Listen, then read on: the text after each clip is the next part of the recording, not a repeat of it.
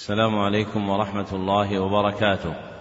الحمد لله الذي جعل الدين مراتب ودرجات وصير للعلم به أصولا ومهمات. وأشهد أن لا إله إلا الله حقا وأشهد أن محمدا عبده ورسوله صدقا. اللهم صل على محمد وعلى آل محمد كما صليت على إبراهيم وعلى آل إبراهيم إنك حميد مجيد. اللهم بارك على محمد وعلى آل محمد كما باركت على إبراهيم وعلى آل إبراهيم. إنك حميد مجيد. أما بعد فحدثني جماعة من الشيوخ وهو أول حديث سمعته منهم. بإسناد كل إلى سفيان بن عيينة عن عمرو بن دينار عن أبي قابوس مولى عبد الله بن عمرو عن عبد الله بن عمرو بن العاص رضي الله عنهما قال قال رسول الله صلى الله عليه وسلم الراحمون يرحمهم الرحمن ارحموا من في الأرض يرحمكم من في السماء. ومن آكد الرحمة رحمة المعلمين بالمتعلمين في تلقينهم أحكام الدين وترقيتهم في منازل اليقين. ومن طرائق رحمتهم إيقافهم على مهمات العلم بإقراء أصول المتون وتبيين مقاصدها الكلية. ومعانيها الإجمالية. يستفتح بذلك المبتدئون تلقيهم ويجد فيه المتوسطون ما يذكرهم ويطلع منه المنتهون إلى تحقيق مسائل العلم. وهذا المجلس الثالث في شرح الكتاب الثامن من برنامج مهمات العلم في سنته الخامسة خمس وثلاثين بعد الأربعمائة والألف. وهو كتاب الأربعين في مباني الإسلام وقواعد الأحكام للعلامة يحيى بن شرف النووي رحمه الله المتوفى سنة ست وسبعين وستمائة. وقد انتهى بنا البيان إلى قوله الحديث الثالث والعشرون. نعم. الحمد لله رب العالمين وصلى الله وسلم على نبينا محمد وعلى آله وصحبه أجمعين. اللهم اغفر لشيخنا ولوالديه ولمشايخه وللمسلمين أجمعين. قال العلامة النووي رحمه الله تعالى الحديث الثالث والعشرون عن أبي مالك الحارث بن عاصم الأشعري رضي الله عنه أنه قال قال رسول الله صلى الله عليه وسلم الطهور شطر الإيمان والحمد لله تملأ الميزان وسبحان الله والحمد لله تملأان أو قال تملأ ما بين السماوات والأرض والصلاة نور والصدقة برهان والصبر ضياء والقرآن حجة لك وعليك كل الناس يغدو فبايع نفسه فمعتقها أو موبقها رواه مسلم. هذا الحديث أخرجه مسلم كما قال المصنف وهو من أفراده عن البخاري وقوله الطهور شطر الإيمان بضم الطاء منه والمراد به فعل التطهر والمراد به فعل التطهر والشطر هو النصف والشطر هو النصف فصار تقدير الكلام فعل التطهر هو نصف الإيمان. فعل التطهر هو نصف الإيمان. والمراد بالطهارة في الحديث الطهارة الحسية المعروفة عند الفقهاء. والمراد بالطهارة في الحديث الطهارة الحسية المعروفة عند الفقهاء. لأنها هي المرادة عند الإطلاق. لأنها هي المرادة عند الإطلاق. فمعهود خطاب الشرع في الطهارة إرادة الطهارة الحسية. فمعهود خطاب الشرع في الطهارة هو الطهارة الحسية. وإذا كانت الطهارة المرادة هنا هي الطهارة الحسية ففي كونها شطر الإيمان قولان. ففي كونها شطر الإيمان قولان. أحدهما أن المراد بالإيمان هنا الصلاة. أن المراد بالإيمان هنا الصلاة. لأن الله عز وجل سماها إيمانا فقال وما كان الله ليضيع إيمانكم أي صلاتكم. والآخر أن المراد بالإيمان هنا شرائع الدين. أن المراد بالإيمان هنا شرائع الدين. فتكون الطهارة الحسية تطهيرا للظاهر. فتكون الطهارة الحسية تطهيرا للظاهر. وتكون سائر شرائع الدين تطهيرا للباطن. وتكون سائر شرائع الدين تطهيرا للباطن. وصح القولين هو الثاني. وأصح القولين هو الثاني. لما ثبت في السنن من حديث علي وغيره مفتاح الصلاة الطهور مفتاح الصلاة الطهور. فجعل منزلة الطهارة من الصلاة أنها مفتاح لها. فجعل منزلة الطهارة من الصلاة أنها مفتاح لها. ومفتاح الشيء لا يبلغ شطره. ومفتاح الشيء لا يبلغ شطره. فالأظهر أن معنى الحديث أن الطهارة الحسية بالوضوء والغسل أن الطهارة الحسية بالوضوء والغسل وبدلهما التيمم هي شطر شرائع الدين هي شطر شرائع الدين. وتكون الطهارة الحسية وتكون الطهارة الحسية مطهرة للظاهر. وتكون بقية شرائع الدين مطهرة للباطن. فإذا توضأ الإنسان أو اغتسل طهر ظاهره. وإذا صلى أو صام أو زكى طهر باطنه. وقوله سبحان الله والحمد لله تملأان أو تملأ ما بين السماء والأرض. هكذا وقع الحديث على الشك عند مسلم. ففيه روايتان عنده. ففيه روايتان عنده. فالرواية الأولى فالرواية الأولى تدل أن الكلمتين مقرونتين تملأان ما بين السماء والأرض. أن الكلمتين مقرونتين تملأان ما بين السماء والأرض. والرواية الثانية تدل على أن كل واحدة منهما تدل على أن كل واحدة منهما تملأ ما بين السماء والأرض. فسبحان الله وحدها تملأ ما بين السماء والأرض والحمد لله وحدها تملأ ما بين السماء والأرض.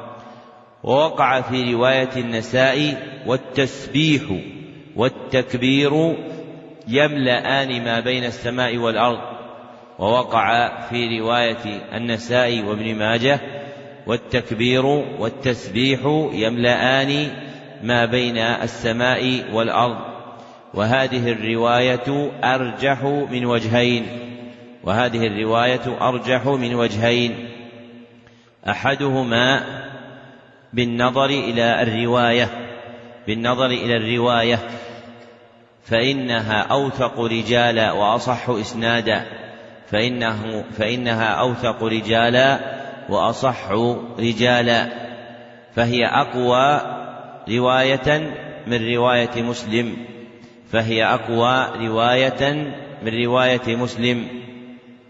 وكون مسلما أصح من السنن وكون مسلما أصح من السنن لا يقتضي أن كل حديث منه بعينه أصح من غيره في السنن. لا يقتضي أن كل حديث منه بعينه أصح من غيره في السنن. بل المراد مجموعه بل المراد مجموعه. والآخر بالنظر إلى الدراية والآخر بالنظر إلى الدراية. إذ في الجملة السابقة لها أن الحمد لله تملأ الميزان ففي الجملة السابقة لها أن الحمد أن الحمد لله تملأ الميزان. والميزان أوسع مما بين السماء والأرض. والسماء والميزان أوسع مما بين السماء والأرض. فكيف تكون وحدها؟ فكيف تكون وحدها تملأ الميزان؟ ثم إذا قرن الحمد بالتسبيح نقص قدره. ثم إذا قرن الحمد بالتسبيح نقص قدره. فصار يملأ ما بين السماء والأرض. وقوله والصلاة نور والصدقة برهان والصبر ضياء تمثيل لهذه الأعمال بمقادير ما لها من النور. تمثيل لهذه الأعمال بمقادير ما لها من النور والضياء. فالصلاة نور مطلق. والصدقة برهان. وهو الشعاع الذي يلي قرص الشمس محيطا به. وهو الشعاع الذي يلي قرص الشمس محيطا به. والصبر ضياء. والصبر ضياء وهو النور الذي يكون معه نوع حرارة وإشراق. وهو النور الذي يكون معه نوع حرارة وإشراق دون إحراق. فهذه الأعمال الثلاثة شبهت بمقاديرها من الأنوار. فهذه الأعمال الثلاثة شبهت بمقاديرها من الأنوار. وهذا التشبيه له متعلقان.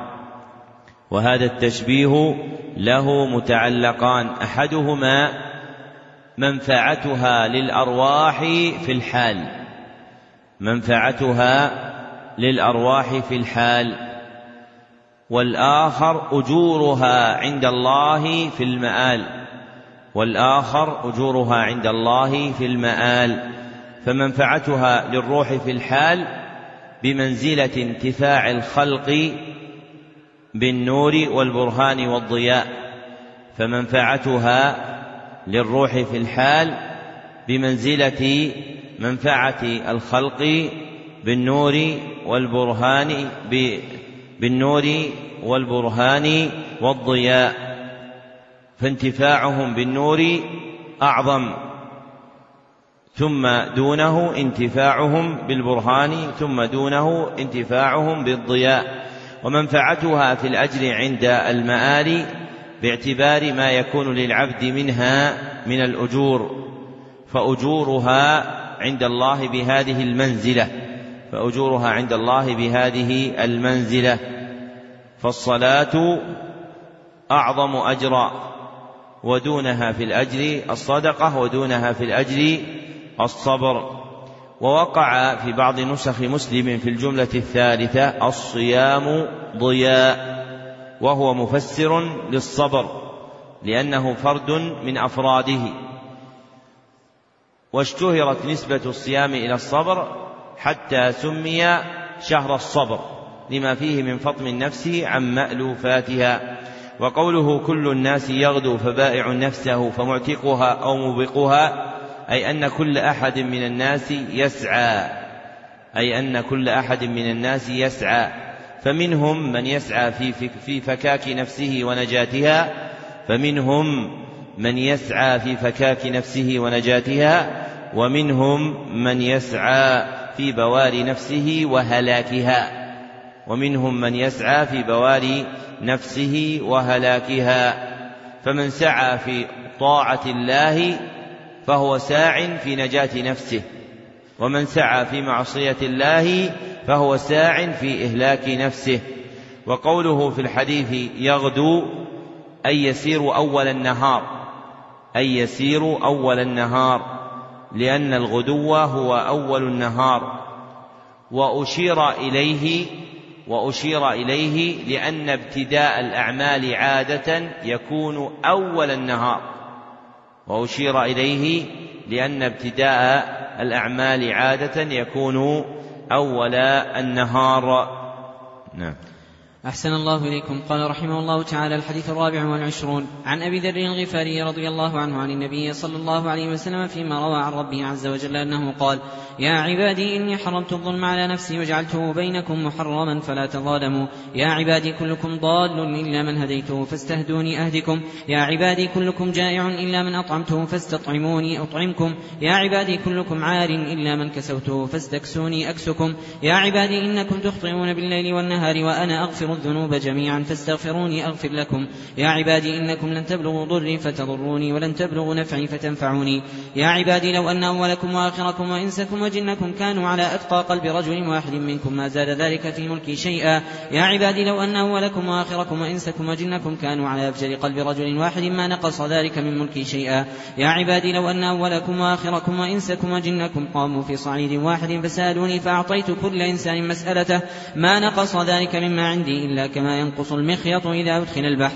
يا عبادي إنما هي أعمالكم أحصيها لكم ثم أوفيكم إياها. فمن وجد خيرا فليحمد الله ومن وجد غير ذلك فلا يلومن إلا نفسه. رواه مسلم. هذا الحديث أخرجه مسلم وحده بهذا اللفظ فهو من أفراده عن البخاري. وأوله في النسخ التي بأيدينا عن النبي صلى الله عليه وسلم فيما روى عن الله تبارك وتعالى. وقوله يا عبادي إني حرمت الظلم إلى آخره فيه بيان تحريم الظلم من جهتين. فيه بيان تحريم الظلم من جهتين. أولاهما كون الله حرمه على نفسه. كون الله حرمه على نفسه. وإذا كان محرما عليه مع كمال قدرته وتمام ملكه وإذا كان محرما عليه مع كمال قدرته وتمام ملكه فإن تحريمه على غيره أولى فإن تحريمه على غيره أولى لظهور عجزه لظهور عجزه ونقص ملكه لظهور عجزه ونقص ملكه. والأخرى أن الله جعله بيننا محرما. أن الله جعله بيننا محرما. فقال لا تظالموا. أي لا يظلم بعضكم أي لا يظلم بعضكم بعضا. والنهي للتحريم. وأحسن ما قيل في بيان حد الظلم أنه وضع الشيء في غير موضعه. أنه وضع الشيء في غير موضعه. وقد يعرض للمعنى المذكور في أحوال ما يقيد به. وقد يعرض للمعنى المذكور في أحوال ما يقيد به. بسط هذا مبينا أبا العباس. بسط هذا مبينا أبو العباس ابن تيمية رحمه الله تعالى في عدة مواضع. من أشهرها كتابه شرح حديث أبي ذر الغفاري. كتابه شرح حديث أبي ذر الغفاري. يعني هذا الحديث. هو تحقيق حد الظلم من مضايق الأنظار ومزلات الأفهام والأقدام. وما ذكره رحمه الله تعالى هو من أحسن ما قيل في ذلك. وقوله فمن وجد خيرا فليحمد الله ومن وجد غير ذلك فلا يلومن إلا نفسه يحتمل معنيين صحيحين. يحتمل معنيين صحيحين. الأول أنه أمر على حقيقته. أنه أمر على حقيقته. فمن وجد خيرا فليحمد الله على ما عجل له من جزاء عمله الصالح. ومن وجد غير ذلك فهو مأمور بأن يلوم نفسه. ومن وجد غير ذلك فإنه مأمور بأن يلوم نفسه على الذنوب التي وجبت التي وجد عاقبتها في الدنيا. فتكون هذه الجملة على إرادة الأمر مبنى ومعنى فتكون هذه الجملة على إرادة الأمر مبنى ومعنى. والثاني أنه أمر يراد به الخبر. أنه أمر يراد به الخبر. وأن من وجد الخير في الآخرة فسيحمد الله.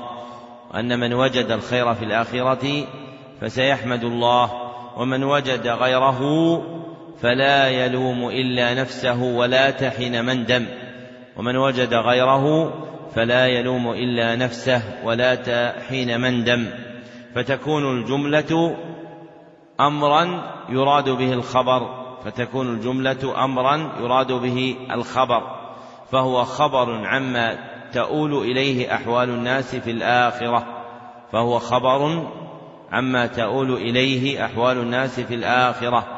وكلا المعنيين صحيح وكلا المعنيين صحيح. والأول محله الدنيا والثاني محله الآخرة. وكلا المعنيين صحيح والأول محله الدنيا والآخر محله الآخرة. نعم. أحسن الله إليكم. قال رحمه الله تعالى الحديث الخامس والعشرون. عن أبي ذر رضي الله عنه أيضا أن الناس من أصحاب رسول الله صلى الله عليه وسلم قالوا للنبي صلى الله عليه وسلم يا رسول الله ذهب أهل الدثور بالأجور يصلون كما نصلي ويصومون كما نصوم ويتصدقون بفضول أموالهم. قال أوليس قد جعل الله لكم ما تصدقون؟ إن بكل تسبيحة صدقة وكل تكبيرة صدقة وكل تحميدة صدقة وكل تهليلة صدقة وأمر بالمعروف صدقة ونهي عن منكر صدقة وفي بضع أحدكم صدقة. قالوا يا رسول الله يأتي أحدنا شهوة ويكون له فيها أجر؟ قال أرأيتم لو وضعها في حرام أكان عليه فيها وزر؟ فكذلك إذا وضعها في الحلال كان له أجر. رواه مسلم. هذا الحديث أخرجه مسلم بهذا اللفظ ورواه في موضع آخر بلفظ مختصر وهو من أفراده عن البخاري وقوله أهل الدثور أي الأموال. وقوله أوليس قد جعل الله لكم ما تصدقون إلى آخره فيه بيان حقيقة الصدقة شرعا فيه بيان حقيقة الصدقة شرعا أنها اسم جامع لأنواع البر والإحسان أنها اسم جامع لأنواع البر والإحسان وحقيقتها إيصال ما ينفع وحقيقتها إيصال ما ينفع والصدقة من العبد نوعان. أحدهما صدقة مالية والآخر صدقة غير مالية كالتسبيح والتهليل والتكبير والتحميد والأمر بالمعروف والنهي عن المنكر. وقوله وفي بضع أحدكم صدقة البضع بضم الباء الموحدة كلمة يكنى بها عن الفرج. وتطلق على الجماع أيضا. وكلاهما تصح إرادته في هذا الحديث. ذكره المصنف في شرح مسلم. وقوله أرأيتم لو وضعها في حرام؟ إلى آخره ظاهره أنه يؤجر على وضعها في الحلال ولو لم تكن له نية صالحة. ظاهره أنه يؤجر إذا وضعها في الحلال ولو لم تكن له نية صالحة. وهذا الظاهر مردود إلى الأصل المحكم. وهذا الظاهر مردود إلى الأصل المحكم.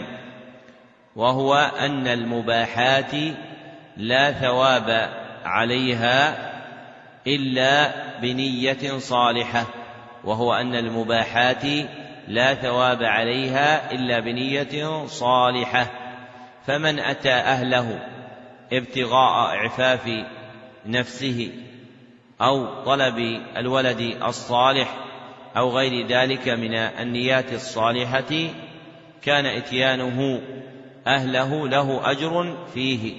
فإن خلا من النية الصالحة كان مباحا مجردا. نعم. أحسن الله إليكم. قال رحمه الله تعالى الحديث السادس والعشرون.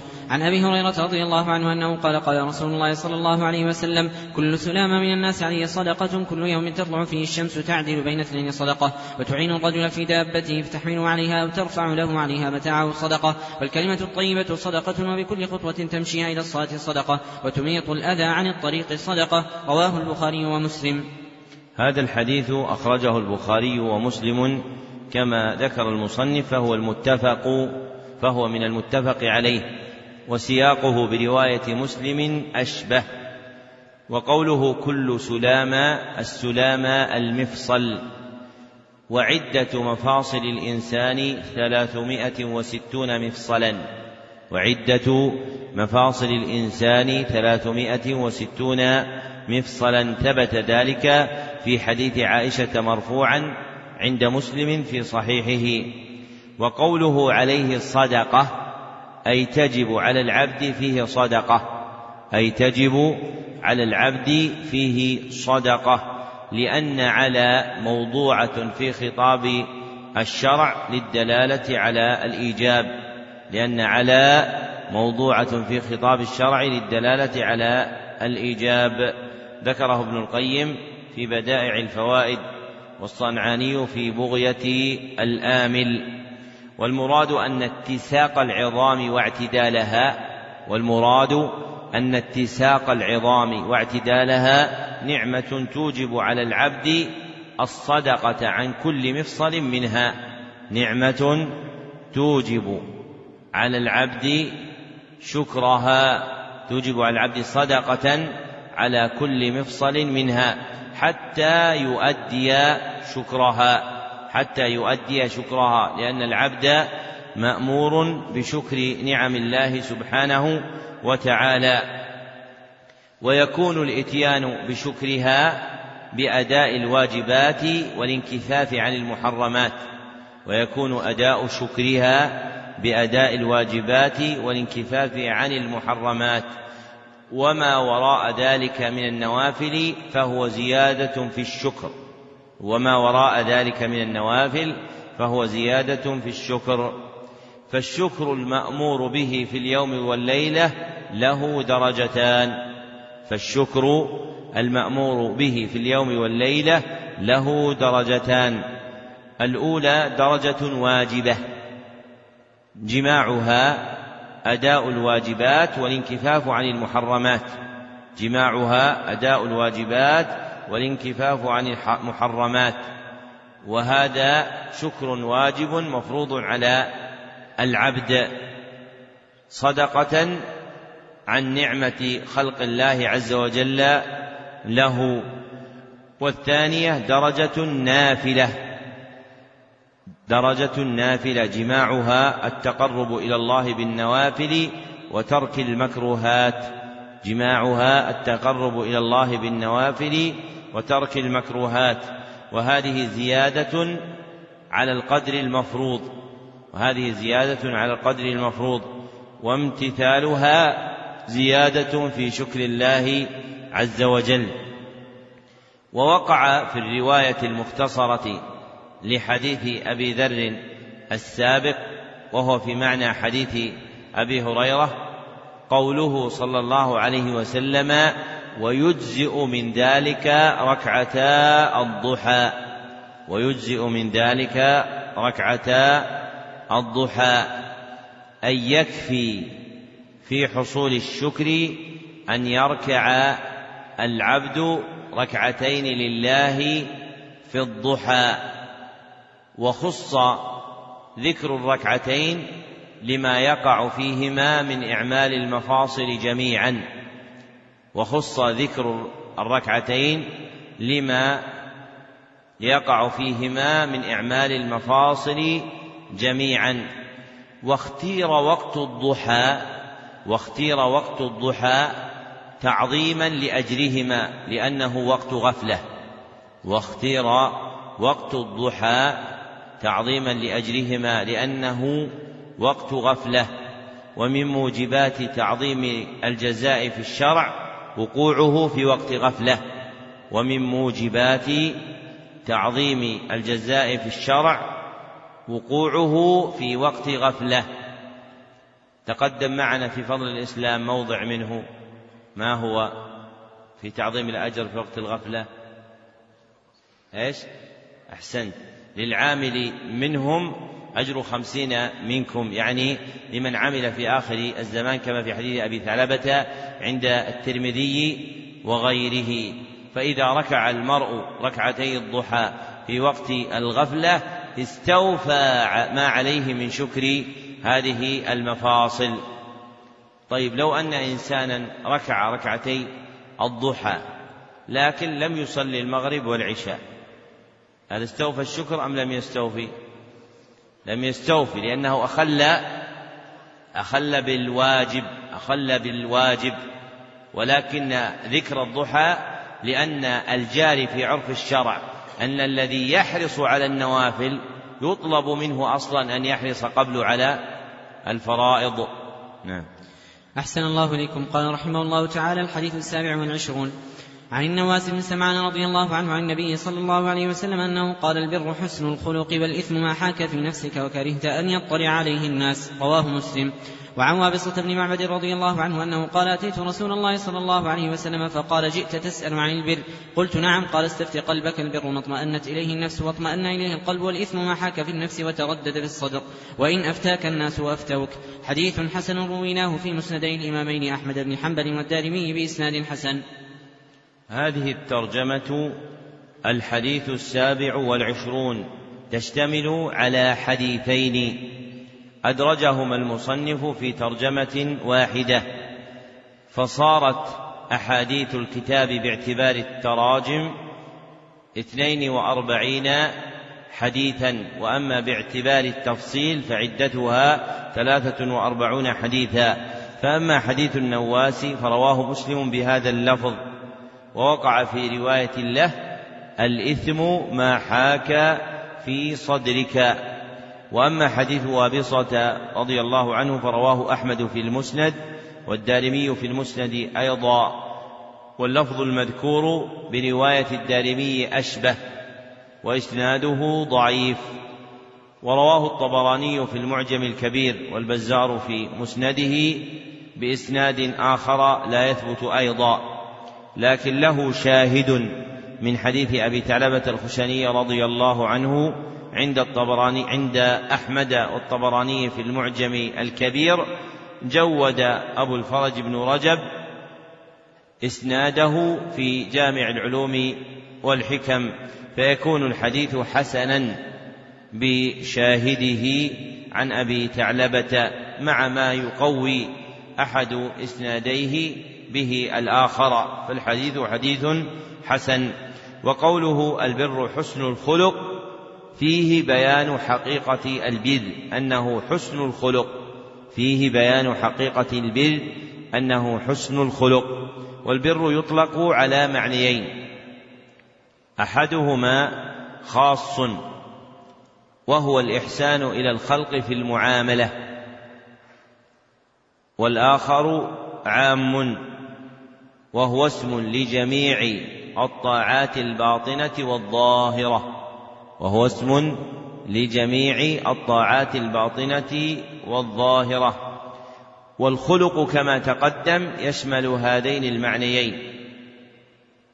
فيطلق على الدين كله وعلى المعاملة التي تكون بين الخلق. وفي هذه الجملة بيان حقيقة البر. وسيأتي في حديث وابصة بيان أثره. ويقابل البر الإثم. ويقابل البر الإثم. وله مرتبتان. الأولى ما حاك في النفس وتردد في القلب وكرهت أن يطلع الناس عليه. ما حاك في النفس وتردد في القلب وكرهت أن يطلع الناس عليه لاستنكارهم له. وهذه المرتبة مذكورة في الحديثين معا. والثانية ما حاك في النفس وتردد في القلب. ما حاك في النفس وتردد في القلب وإن أفتاه غيره أنه ليس بإثم.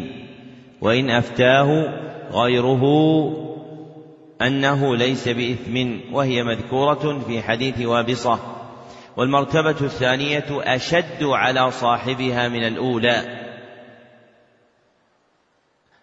لأنه يعظم عليه في الأولى استنكار الناس لها وأما في الثانية فيجد فيهم من يفتيه أن ما يعمله ليس إثما. وما تقدم هو تعريف للإثم باعتبار أثره أي بالنظر إلى ما يوجده في النفس والقلب. أما الإثم باعتبار حقيقته فهو ما بطأ صاحبه عن الخير وأخره عن الفلاح. ما بطأ صاحبه عن الخير وأخره عن الفلاح. وقوله في حديث وابصة استفت قلبك أمر باستفتاء القلب أي طلب الفتيا منه أي طلب الفتيا منه وهو مخصوص بمحل الاشتباه في الحكم وهو مخصوص بمحل الاشتباه في الحكم ولا يسلط على الحكم نفسه ولا يسلط على الحكم نفسه فلا يستفاد حكم شيء من القلب استقلالا فلا يستفاد حكم شيء من القلب استقلالا. لكن يستفتى القلب في محل الاشتباه من من الحكم لكن يستفتى القلب في محل الاشتباه من الحكم. مثاله من عرض له حيوان لا يعرف حله أو حرمته في صيده. فإنه هنا لا يستطيع أن يحكم على كون هذا الصيد حراما أو حلالا باستفتاء القلب. إذ لا بد من ورود الدليل الشرعي بهذا أو ذاك.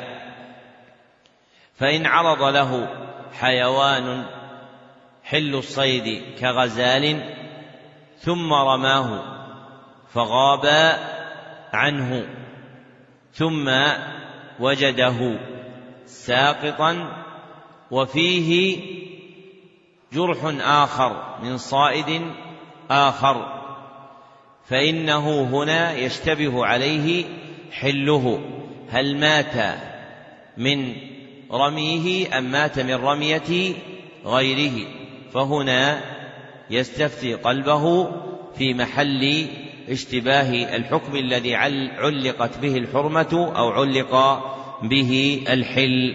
فالأخذ بفتوى القلب مشروط بأمرين. فالأخذ بفتوى القلب مشروط بأمرين. أحدهما كونها مسلطة على محل الاشتباه المتعلق بتحقيق مناط الحكم. كونها مسلطة على محل الاشتباه المتعلق بتحقيق مناط الحكم والآخر أن يكون المستفتي قلبه متصفا بالعدالة الدينية والاستقامة الشرعية. وقوله البر ما اطمأنت إليه النفس واطمأن إليه القلب تفسير للبر باعتبار أثره. وهو ما يحدثه في النفس والقلب من سكينة وانشراح وطمأنينة.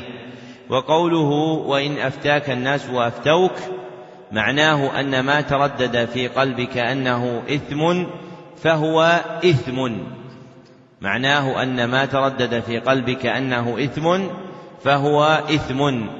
وإن أفتاك الناس أنه ليس بإثم. وإن أفتاك الناس أنه ليس بإثم. وهذا مشروط بأمرين وهذا مشروط بأمرين.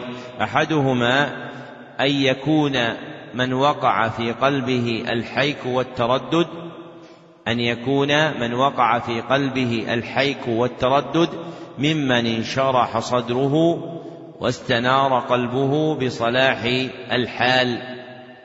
أن يكون من وقع في قلبه الحيك والتردد ممن انشرح صدره واستنار قلبه بصلاح الحال وكمال الإيمان. والآخر أن يكون عهد من مفتيه أن يكون عهد من مفتيه إجابته بالتشهي. أن يكون عهد من مفتيه إجابته بالتشهي. وموافقته مرادات الخلق. وموافقته مرادات الخلق فيكون من استفتاه معروفا بمسايرة الخلق فيما يريدون. فيكون من أفتاه معروفا بمسايرة الخلق فيما يريدون. فإذا وجد هذا وذاك فإن الإنسان يكف نفسه عن ذلك ولا يتناوله لأنه يجد من نفسه ترددا في كونه إثما فقلبه يميل إلى أنه إثم.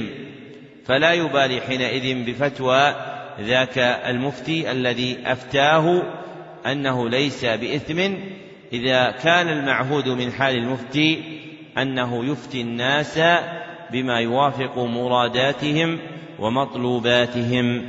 نعم. أحسن الله إليكم. قال رحمه الله تعالى الحديث الثامن والعشرون. عن أبي نجيح العرباض بن سارية رضي الله عنه أنه قال وعظنا رسول الله صلى الله عليه وسلم موعظة وجلت منها القلوب وذرفت منها العيون. فقلنا يا رسول الله كأنها موعظة مودع فأوصنا. فقال صلى الله عليه وسلم أوصيكم بتقوى الله عز وجل والسمع والطاعة وإن تأمر عليكم عبد فإنه من يعش منكم فسيرى اختلافا كثيرا. فعليكم بسنتي وسنة الخلفاء الراشدين المهديين. عضوا عليها بالنواجذ وإياكم ومحدثات الأمور فإن كل بدعة ضلالة.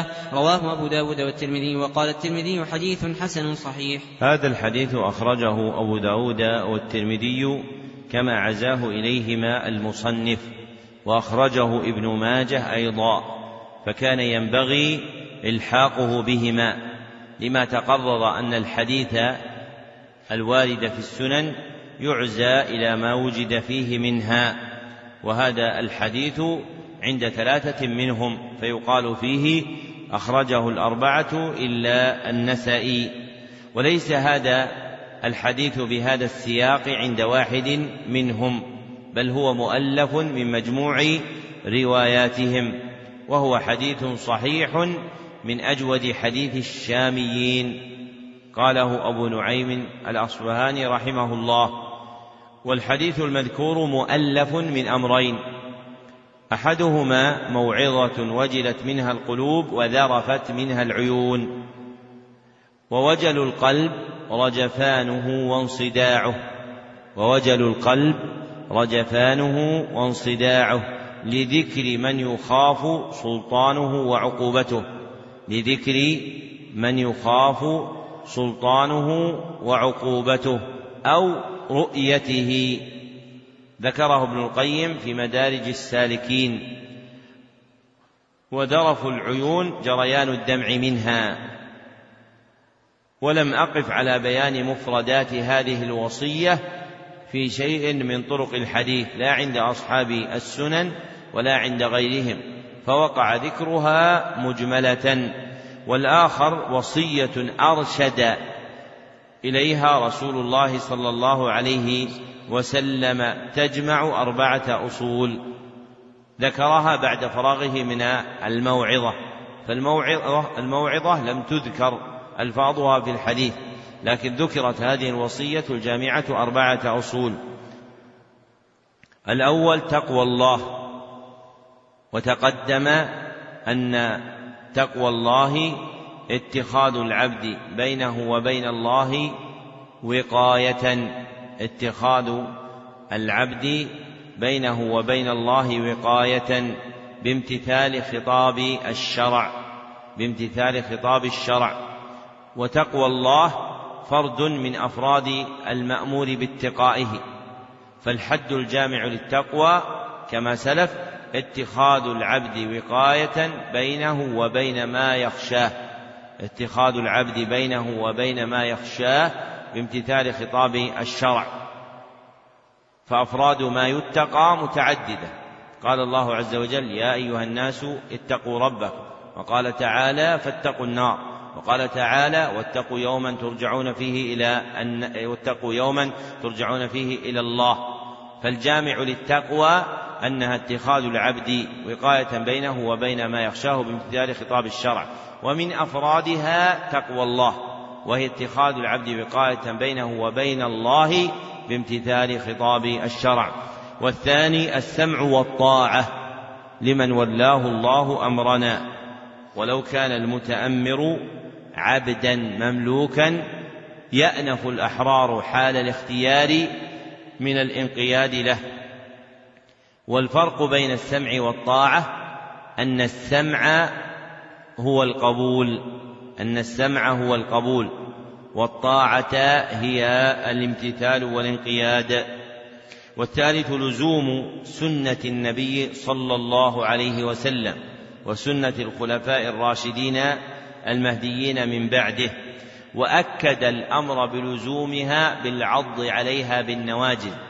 وأكد الأمر بلزومها بالعض عليها بالنواجذ وهي الأضراس إغراء بكمال لزوم سنته صلى الله عليه وسلم وسنة الخلفاء الراشدين المهديين. والرابع الحذر من محدثات الأمور. الحذر من محدثات الأمور.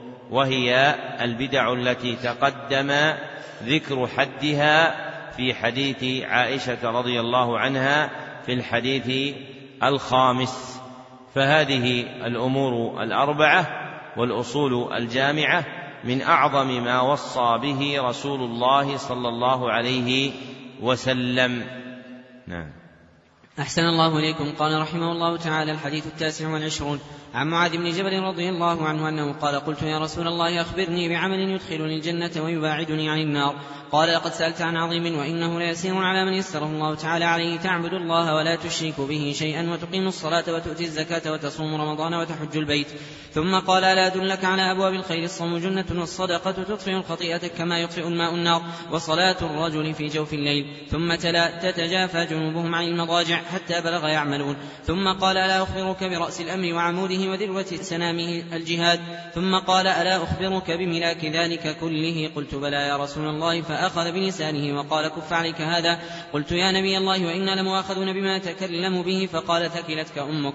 وهل يكب الناس في النار على وجوههم أو قال على مناخرهم إلا حصائر ألسنتهم؟ رواه الترمذي وقال حديث حسن صحيح. هذا الحديث أخرجه الترمذي وابن ماجه أيضا وإسناده ضعيف وروي من وجوه متعددة عن معاذ بن جبل رضي الله عنه لا يخلو شيء منها من ضعف ومن أهل العلم من يقويه بمجموعها ويجعله حسنا. واللفظ المذكور هنا قريب من لفظ الترمذي. وهذا الحديث من الأحاديث العظيمة الجامعة بين الفرائض والنوافل. فأما الفرائض فهي المذكورة في قوله صلى الله عليه وسلم تعبد الله ولا تشرك به شيئا وتقيم وتقيم الصلاة إلى آخر الجملة المذكورة وهي متضمنة أركان الإسلام المتقدم ذكرها في الحديث الثالث وهو حديث ابن عمر رضي الله عنهما مرفوعا بني الإسلام على خمس. وأما النوافل ففي قوله ألا أدلك على أبواب الخير ثم عدها وأبواب الخير الممدوحة نوافلها ثلاثة وأبواب الخير الممدوحة نوافلها ثلاثة. الأول الصوم المذكور في قوله الصوم جنة والجنة اسم لما يتقى ويستتر به. اسم لما يتقى ويستتر به كالدرع والخوذة التي تجعل على الرأس. والثاني الصدقة المذكورة في قوله والصدقة تطفئ الخطيئة كما يطفئ النار كما يطفئ الماء النار. والثالث صلاة الليل المذكورة في قوله وصلاة الرجل في جوف الليل. وجوف الليل هو وسطه. وذكر الرجل تغليبا فالمرأة مثله تدخل في هذا الثواب. وقراءة الآية عقيب ذكر صلاة الليل للدلالة على جزاء أهلها. وقراءة الآية عقيب ذكر صلاة الليل للدلالة على جزاء أهلها. ثم لما فرغ صلى الله عليه وسلم من ذكر تفاصيل الجمل جمع في وصيته لمعاذ كلياتها فقال ألا أخبرك برأس الأمر وعموده وذروة سنامه. ثم أجاب عنه بقوله الجهاد في سبيل الله. هكذا هو في النسخ العتيقة من الأربعين النووية. هكذا هو في النسخ العتيقة من الأربعين النووية. ومنها نسخة مقروءة على تلميذه ابن العطار. وهو موافق لرواية الترمذي التي اتصلت بالنووي سماعا. ذكره العراقي وغيره. فالترمذي فالنووي رحمه الله سمع الترمذي عن شيخ له فمن فوقه بهذه الرواية التي ردت فيها الثلاث رأس الأمر وعموده وذروه سنامه إلى الجهاد وهي رواية مختصرة. والمشهور في روايته التامة رأس الأمر الإسلام وعموده الصلاة وذروة سنامه الجهاد في سبيل الله. فقوله رأس الأمر الإسلام أي رأس الدين الاستسلام لله بالتوحيد. أي رأس الدين الاستسلام لله بالتوحيد. وقوله وعموده الصلاة أي ما يقوم عليه كما تقوم الخيمة بالعمود هو الصلاة. أي ما يقوم عليه كما تقوم الخيمة بالصلاة كما تقوم الخيمة بالعمود هو الصلاة. وقوله وذروة سنامه الجهاد أي أعلاه وأرفعه. والذروة بكسر الذال وتضم أيضا وهي أعلى الشيء.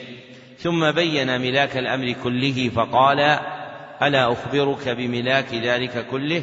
ثم قال كف عليك هذا أي اللسان والملاك بالكسر والفتح هو قوام الشيء وعماده ونظامه.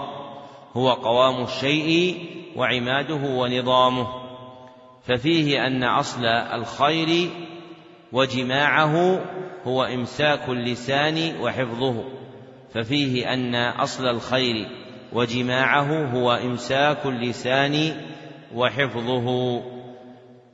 وقوله ثكلتك أمك أي فقدتك. وهذه كلمة تجري على ألسنة العرب لا يريدون حقيقتها. ومقصودهم تعظيم الشيء. ومقصودهم تعظيم الشيء المذكور معها. فأراد أن يعظم له ما ذكر له فقال ثكلتك أمك. وقوله وهل يكب الناس في النار على وجوههم؟ أي يطرح الناس فالكب هو الطرح. والمعنى يطرح الناس على وجوههم أو مناخرهم وهي أنوفهم إلا حصائد ألسنتهم والحصائد جمع حصيدة وهي كل شيء قيل في الناس باللسان وقطع عليهم به وهي كل شيء كل شيء قيل في الناس وقطع عليهم به. ذكره ابن فارس في مقاييس اللغة ذكره ابن فارس في مقاييس اللغة. فليس المراد بالحصيدة مطلق الكلام فليس المراد بالحصيدة مطلق الكلام. ولكن المراد بالحصيدة ما يجري به اللسان حكما على الخلق. ما يجري به اللسان حكما على الخلق.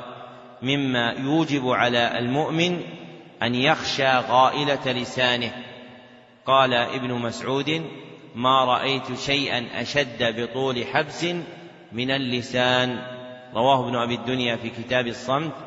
وغيره بإسناد صحيح. ينبغي أن يتحرز المرء من غائلة لسانه ألا تورده موارد العطب فتهلكه وأن يحرص على اتباع حكم الشريعة وأن يكون له حظ من وصف المسلم الكامل الذي ذكره النبي صلى الله عليه وسلم في حديث ابن عمرو في الصحيحين واللفظ للبخاري المسلم من سلم المسلمون من لسانه ويده وسلامتهم منه بإجرائه وفق الشرع. فإذا أجراه وفق الشرع فقد سلم المسلمون من لسانه ويده. ولا يراد بهذا أنه لا يرد على الباطل ولا يزهقه لأن هذا من المأمور به في الشرع. فرد المقالات الباطلة المرذولة والبدع والأهواء ليس داخل في جملة ذلك ولكن الذي يتحقق دخوله في ذلك كل شيء خالف فيه الإنسان حكم الشرع فإذا حكم بهواه أو بميله إلى أحد يتكلم بشيء دون بينة أو موافقته أهل بلده أو موافقته من يأنس بصحبته فإن ذلك لا يجدي عليه شيئا. فينبغي له أن يحضر مشهد وقوفه بين يدي الله عز وجل ليس بينه وبينه ترجمان. فإن هذا موقف عظيم. إذا جعله المرء نصب عينيه حمله ذلك على لزوم حكم الشريعة. وألا يخرج عن شيء من ذلك قدر أنملة لأنه يخاف الله ويرغب فيما عنده ويؤمل جزاءه أكثر من رغبته أو رهبته من الناس لأنه يعلم أن الناس لا يجدون عليه شيئا فإنهم إن مدحوه لم يزيدوه عند الله شيئا وإن ذموه لم ينقصوه عند الله شيئا ولكن العبرة حاله عند الله سبحانه وتعالى. قال ابن القيم رحمه الله من أراد أن يعرف ما له عند الله فلينظر ما لله عنده. انتهى كلامه. أي أن من عظم الله سبحانه وتعالى فإن الله عز وجل يعظمه. ومن لم يعظم الله سبحانه وتعالى فإن الله عز وجل لا يبالي به في أي واد هلك. وقال ابن القيم أيضا من وقر الله في قلبه أن يعصيه وقره الله في خلق في وقره الله في قلوب الخلق أن يذلوه. وصح عن عبيد بن عمير في كتاب الإيمان عند ابن أبي شيبة أنه قال الإيمان هيوب. فالهيبة التي يحصلها المرء لا تحرز بأعظم من العلم والإيمان فلا تحرز بالرئاسات والمناصب وسلالة الأنساب وجلالة المراتب وإنما تدرك بقدر قوة ما بينك وبين الله سبحانه وتعالى. فمن كان مع الله كان الله معه. ومن لم يكن مع الله فلينظر في محاسبة نفسه وردها إلى الله سبحانه وتعالى. نسأل الله سبحانه وتعالى أن يرزقنا الإيمان به. أحسن الله إليكم. قال رحمه الله تعالى الحديث الثلاثون. عن أبي ثعلبة الخشني جرثوم بن ناشر رضي الله عنه عن رسول الله صلى الله عليه وسلم أنه قال إن الله عز وجل فرض فرائض فلا تضيعوها وحد حدودا فلا تعتدوها وحرم أشياء فلا تنتهكوها وسكت عن أشياء رحمة لكم من غير نسيان فلا تبحثوا عنها. حديث حسن رواه الدار قطني وغيره. هذا الحديث أخرجه الدار قطني وإسناده ضعيف. وفي سياقه تقديم وتأخير عما أثبته المصنف. وليس عنده في النسخة المنشورة منه رحمة لكم. بل لفظه وسكت عن أشياء من غير نسيان. وفي هذا الحديث جماع أحكام الدين فقد قسمت فيه الأحكام إلى أربعة أقسام مع ذكر الواجب منها. فالقسم الأول الفرائض والواجب فيه والواجب فيها عدم إضاعتها. والقسم الثاني الحدود والمراد منها في الحديث ما أذن الله به. والمراد منها في الحديث ما أذن الله به. فيشمل الفرض والنفل والمباح. فكلها مأذون به والمأمور به فيها عدم تعديها والمأمور به فيها عدم تعديها والتعدي مجاوزة الحد المأذون به. والقسم الثالث المحرمات والواجب فيها عدم انتهاكها بالكف عن قربانها والانتهاء عن مقارفتها بالكف عن قربانها والانتهاء عن مقارفتها والقسم الرابع المسكوت عنه وهو ما لم يذكر حكمه خبرا أو طلبا وهو ما لم يذكر حكمه خبرا أو طلبا والواجب فيه عدم البحث والواجب فيها عدم البحث عنها.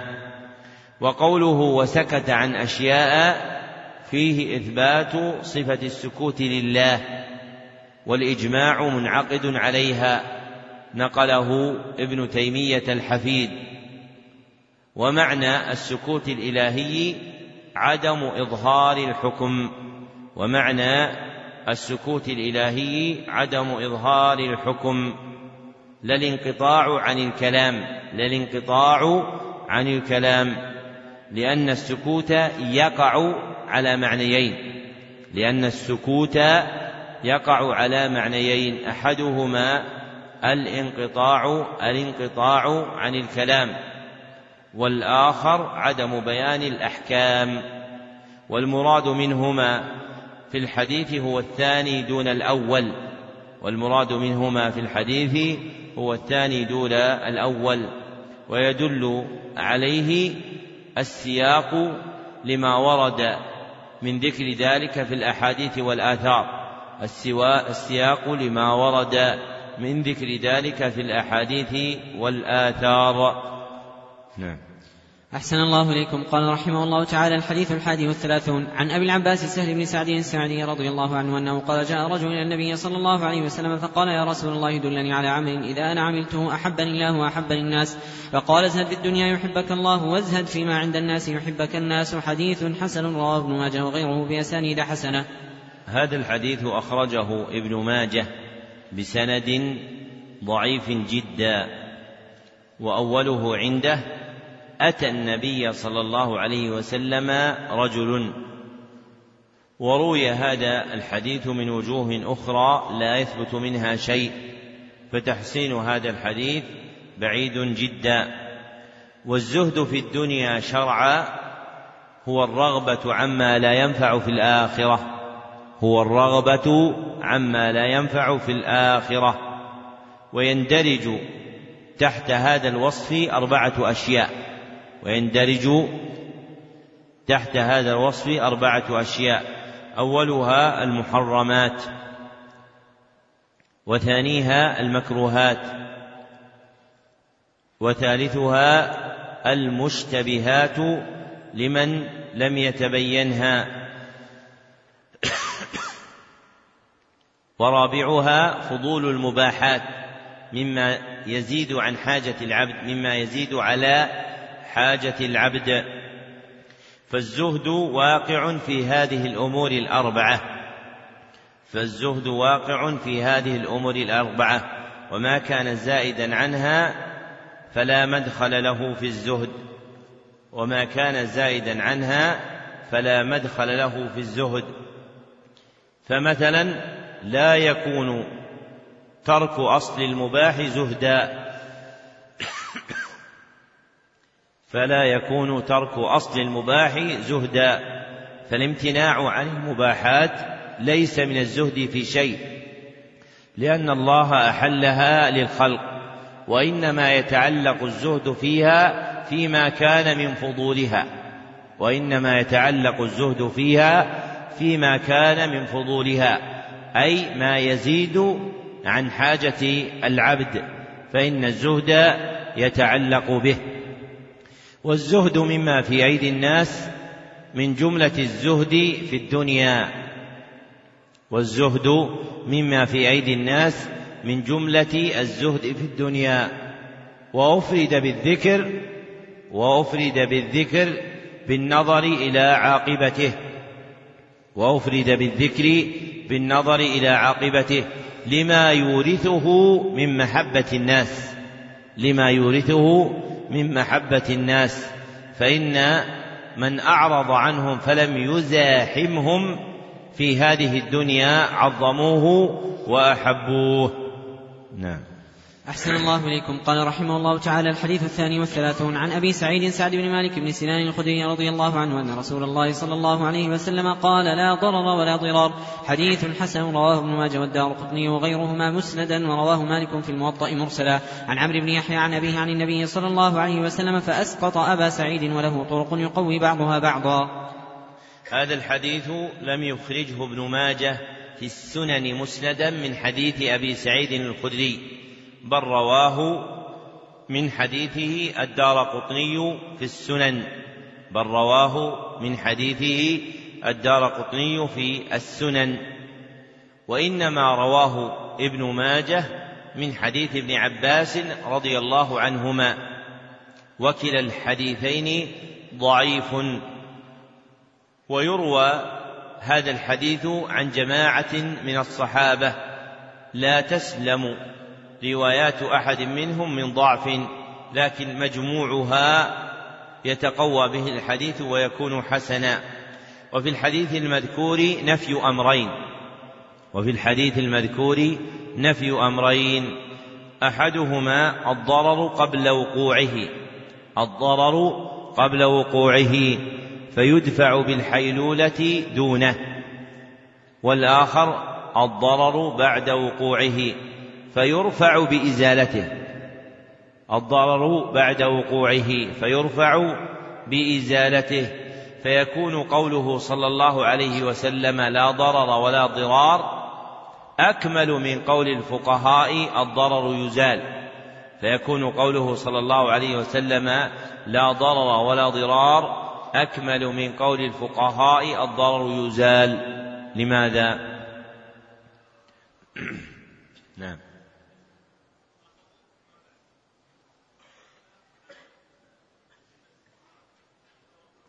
أحسن. فالفرق بينهما شموله ما قبل الوقوع وما بعده وتختص عبارة الفقهاء بضرر قد وقع. نعم. أحسن الله إليكم. قال رحمه الله تعالى الحديث الثالث والثلاثون. عن ابن عباس رضي الله عنهما أن رسول الله صلى الله عليه وسلم قال لو يعطى الناس بدعواهم لادعى رجال أموال قوم ودماءهم لكن البينة على المدعي واليمين على من أنكر. حديث حسن رواه البيهقي وغيره هكذا وأصله في الصحيحين.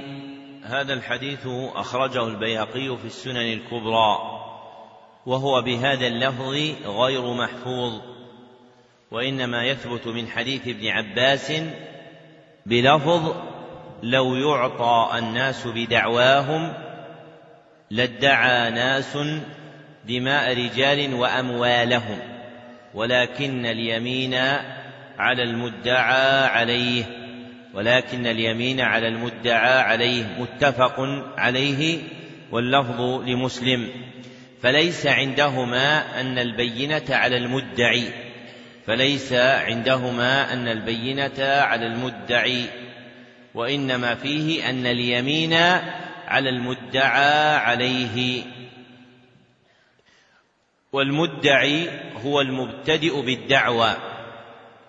والمدعي هو المبتدئ بالدعوى المطالب بها.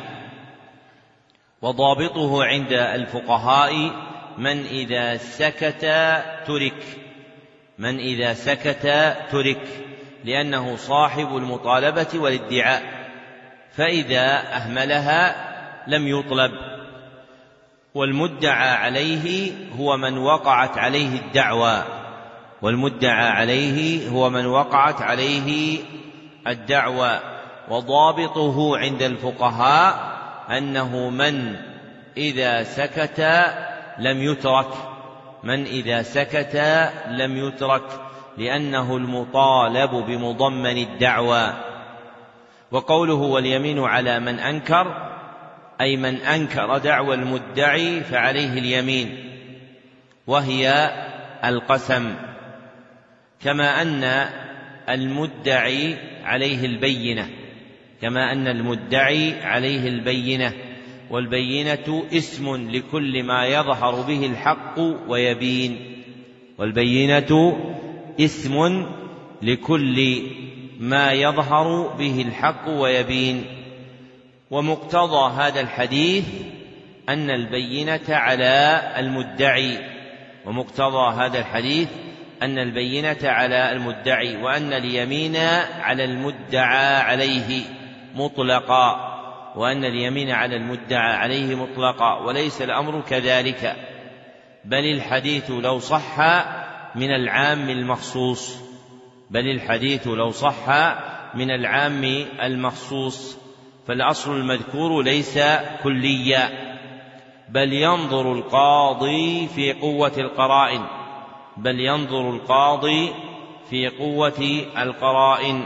فربما جعل اليمين على المدعي وربما جعلها على المدعى عليه. كما يعلم تفصيله من باب الدعاوى والبينات عند الفقهاء. نعم. أحسن الله إليكم. قال رحمه الله تعالى الحديث الرابع والثلاثون عن أبي سعيد الخدري رضي الله عنه أنه قال سمعت رسول الله صلى الله عليه وسلم يقول من رأى منكم منكرا فليغيره بيده فإن لم يستطع فبلسانه فإن لم يستطع فبقلبه وذلك أضعف الإيمان. رواه مسلم. هذا الحديث أخرجه مسلم كما ذكر المصنف وهو من أفراده عن البخاري وفيه الأمر بتغيير المنكر والأمر للإيجاب فإنكار المنكر بتغييره واجب والمنكر شرعا هو كل ما أنكره الشرع بالنهي عنه على وجه التحريم كل ما أنكره الشرع بالنهي عنه على وجه التحريم. فالمنكرات هي المحرمات. فالمنكرات هي المحرمات. وتغيير المنكر على ثلاث مراتب. الأولى تغيير المنكر باليد. والثانية تغيير المنكر باللسان. والثالثة تغيير المنكر بالقلب. والمرتبتان الأوليان شرط لوجوبهما الاستطاعة وبدونها تسقطان فإذا لم يستطع أن يغيره بيده أو لسانه سقط عنه إنكاره. وأما المرتبة الثالثة فهي واجبة لا تسقط بحال أما المرتبة الثالثة فهي واجبة لا تسقط بحال. لثبوت القدرة عليها في حق كل أحد. لثبوت القدرة عليها في حق كل أحد. فإن كل أحد يقدر على الإنكار بقلبه. وتغيير المنكر بالقلب يكون بكراهته وبغضه. وتغيير المنكر بالقلب يكون بكراهته وبغضه. ولا يلزم اقتران ذلك بتمعر الوجه وتغيره ولا يلزم اقتران ذلك بتمعر الوجه وتغيره وتلونه. فإذا أبغض المنكر ونفر عنه بقلبه كان كافيا في حصول الإنكار ولو لم يتغير وجهه ولا تلون أو تمعر. والمرتبة الأولى من هذه المراتب الثلاث موكولة إلى السلطان أو نائبه. والمرتبة الأولى والثانية من هذه المراتب الثلاث موكولة إلى السلطان والمرتبة الأولى دون الثانية. والمرتبة الأولى من هذه الثلاث موكولة إلى السلطان أو نائبه لأنهما هما اللذان يقدران على التغيير باليد. أما المرتبة الثانية أما المرتبة الثانية فهي لكل من يقدر عليها فهي لكل من يقدر عليها ممن يستطيع الإبانة عن المنكر بالزجر عنه ممن يستطيع الإبانة عن المنكر بالزجر عنه لما معه من علم وحلم ورفق لما معه من علم وحلم ورفق فينهى مواقع المنكر عن ذلك. وأما المرتبة الثالثة فهي للخلق جميعا. وأما المرتبة الثالثة فهي للخلق جميعا. وسلوك الإنكار في كل يجب أن يكون بالطريقة الشرعية. وسلوك الإنكار في كل يجب أن يكون بالطريقة الشرعية. كما تقدم في العقيدة الواسطية أن من أصول أهل السنة والجماعة الأمر بالمعروف والنهي عن المنكر على ما توجبه الشريعة أي وفق ما تأذن به الشريعة. وما عدا ذلك فلا يجوز للإنسان أن يتعداه. كيف؟ أضرب لكم مثال. هذه الكاميرات أنكرناها باللسان وانتهى الأمر إلى ذلك لأننا لا نستطيع أن نكسرها فإذا كسرناها كان ذلك إيش؟ تعديا على المأذون به في الشرع فينبغي أن يعلم المرء أن نهيه عن المنكر يكون بحسب ما يستطيع وأن الله عز وجل لم يأذن فيما عدا ذلك لأن إنكار المنكر بمنكر يجر إلى إيش؟ يجر إلى منكر آخر. والمقصود من إنكار المنكرات ليس إخراج ما في النفس وإنما المراد به وأدها بين المسلمين وإزالتها في حياتهم. هذا مقصود الشرع. فالذي يعرف قصد الشرع يسلك الطريقة الشرعية والذي لا يعرف قصد الشرع يقع في هذه المسائل في غير ما أذن الله عز وجل. نعم. أحسن الله إليكم. قال رحمه الله تعالى الحديث الخامس والثلاثون عن أبي هريرة رضي الله عنه أنه قال قال رسول الله صلى الله عليه وسلم لا تحاسدوا ولا تناجشوا ولا تباغضوا ولا تدابروا ولا يبع بعضكم على بيع بعض وكونوا عباد الله إخوانا. المسلم اخو المسلم لا يظلمه ولا يخذله ولا يكذبه ولا يحقره التقوى. ها هنا ويشير إلى صدره ثلاث مرات بحسب امرئ من الشر أن يحقر أخاه المسلم. كل المسلم على المسلم حرام دمه وماله وعرضه رواه مسلم. هذا الحديث أخرجه مسلم دون البخاري فهو من أفراده عنه وليس عند مسلم ولا يكذبه فهي غير واردة في روايته. جزم بهذا جماعة من الحفاظ وقوله لا تحاسدوا نهي عن الحسد وهو كراهية وصول وهو كراهية العبد وصول النعمة إلى غيره وهو كراهية العبد وصول النعمة إلى غيره. سواء اقترن بتلك الكراهية تمني زوالها أم لم يقترن فمتى وجدت الكراهية سمي حسدا. وقوله ولا تناجشوا نهي عن النجش. وأصله إثارة الشيء بالمكر والحيلة والخداع. وأصله إثارة الشيء بالمكر والحيلة والخداع. فالحديث نهي عن تحصيل المطالب بها. فالحديث نهي عن تحصيل المطالب بها. وقوله ولا تباغضوا نهي عن التباغض. ومحله إذا فقد المسوغ الشرعي. إذا فقد المسوغ الشرعي. فإن وجد المسوغ الشرعي في أحد من المسلمين أبغضت منه معصيته. أبغضت منه معصيته.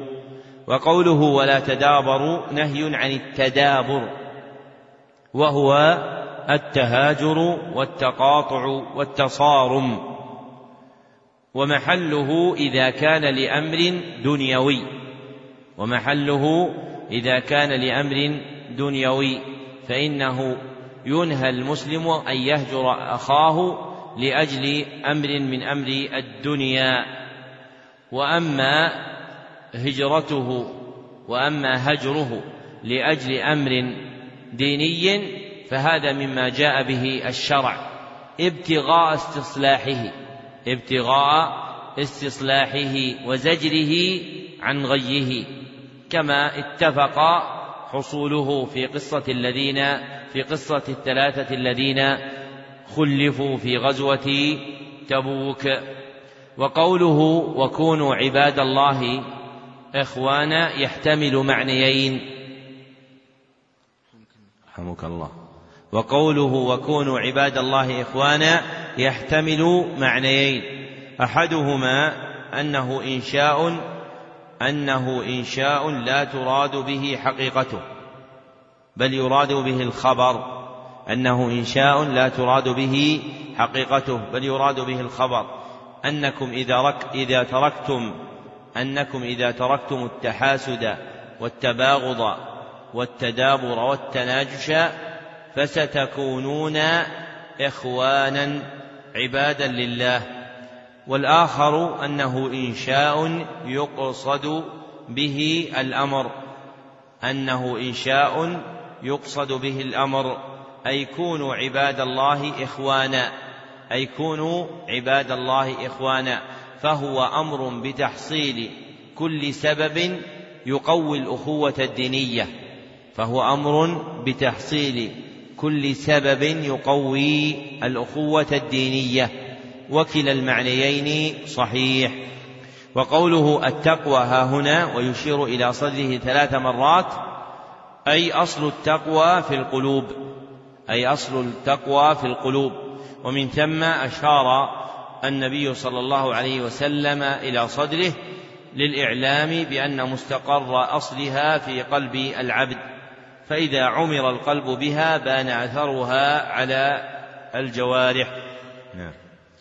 أحسن الله إليكم. قال رحمه الله تعالى الحديث السادس والثلاثون عن أبي هريرة رضي الله عنه عن النبي صلى الله عليه وسلم أنه قال من نفس عن مؤمن كربة من كرب الدنيا نفس الله عنه كربة من كرب يوم القيامة. ومن يسر على محسن يسر الله عليه في الدنيا والآخرة ومن ستر مسلما ستره الله في الدنيا والآخرة. والله في عون العبد ما كان العبد في عون أخيه ومن سلك طريقا يلتمس فيه علما سهل الله له به طريقا إلى الجنة. وما اجتمع قوم في بيت من بيوت الله يتلون كتاب الله ويتدارسونه بينهم إلا نزلت عليهم السكينة وغشيتهم الرحمة وحفتهم الملائكة وذكرهم الله في من عنده ومن بطأ به عمله لم يسرع به نسبه. رواه مسلم بهذا اللفظ. هذا الحديث رواه مسلم بهذا اللفظ وحده دون البخاري فهو من أفراده عنه. وقد ذكر فيه النبي صلى الله عليه وسلم خمسة أعمال مقرونة بذكر جزائها. فالعمل الأول تنفيس الكرب عن المؤمنين في الدنيا. تنفيس الكرب عن المؤمنين في الدنيا. وجزاؤه أن ينفس الله عن عامله كربة من كرب يوم القيامة. أن ينفس الله عن عامله كربة من كرب يوم القيامة. وجعل جزاء هذا العمل مؤجلا لأنه أكمل في الإثابة. وجعل جزاء هذا العمل مؤجلا لأنه أكمل في الإثابة. فكرب يوم القيامة أعظم الكرب وتعليق الثواب بها أكمل. والعمل الثاني التيسير على المعسر وجزاؤه أن ييسر الله على عمله في الدنيا والآخرة. والثالث الستر على المسلم وجزاؤه أن يستر الله على عامله في الدنيا والآخرة. والناس في باب الستر قسمان. والناس في باب الستر قسمان. أحدهما من كان لا يعرف بالفسق ولا شهر به. من كان لا يعرف بالفسق ولا شهر به. فهذا إذا زلت قدمه بمقارفة الخطيئة وجب ستره فهذا إذا زلت قدمه بمقارفة الخطيئة وجب ستره وحرم بث خبره. والآخر من كان مشتهرا بالمعاصي منهمكا فيها فمثله لا يستر عليه بل يرفع أمره إلى ولي الأمر بل يرفع أمره إلى ولي الأمر قطعا لشره. وزجرا له عن غيه. فالأول منهما يجب ستره ويحرم بث خبره. وأما الثاني فإنه يرفع إلى ولي الأمر ولا يجوز من بث خبره ولا يستباح من عرضه إلا ما يؤدي إلى كف شره ولا يستباح من عرضه ولا يبث من خبره إلا ما يؤدي إلى كف شره. يعني مثلا إنسان مستهتر في المعاصي ويشرب الخمر أعاذ الله وإياكم من ذلك فاطلع عليه مرة وهو مشهور بذلك اطلع عليه في شارع وهو يشرب الخمر فقام صاحب البيت فرفع الأمر إلى الشرطة وبلغهم بوجوده. فيستباح من عرضه بقدر إيش؟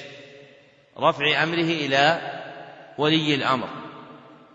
ولكن صاحبنا هذا لم يكتفي بهذا بل صوره وبثه في الإنترنت. قال شكران في شارع كذا. فهذا حرام لا يجوز. هذا الأمر قد بلي به الناس اليوم وصارت هذه الأجهزة فاكهة لهم فتجدهم يبثون الشرور ويستبيحون أعراض المسلمين بمثل هذه الأجهزة فينبغي أن يعلم الإنسان قدرها وأن الله سبحانه وتعالى موقفه وسائله عن ذلك.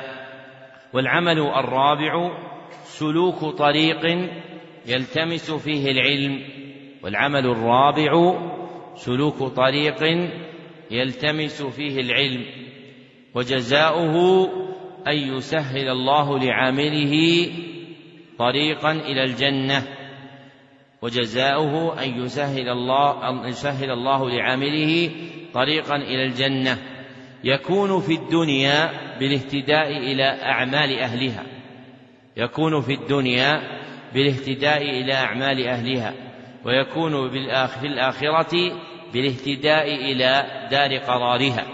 ويكون في الآخرة بالاهتداء إلى دار قرارها. والعمل الخامس الاجتماع في بيت من بيوت الله وهي المساجد على تلاوة كتاب الله وتدارسه وجزاؤه نزول السكينة وغشيان الرحمة وحف الملائكة وأن يذكرهم الله عز وجل في من عنده. وقوله صلى الله عليه وسلم والله في عون العبد ما كان العبد في عون أخيه. أصل جامع للعمل والجزاء.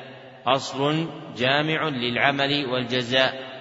فمن كان في عون إخوانه من المسلمين فإن الله عز وجل في عونه.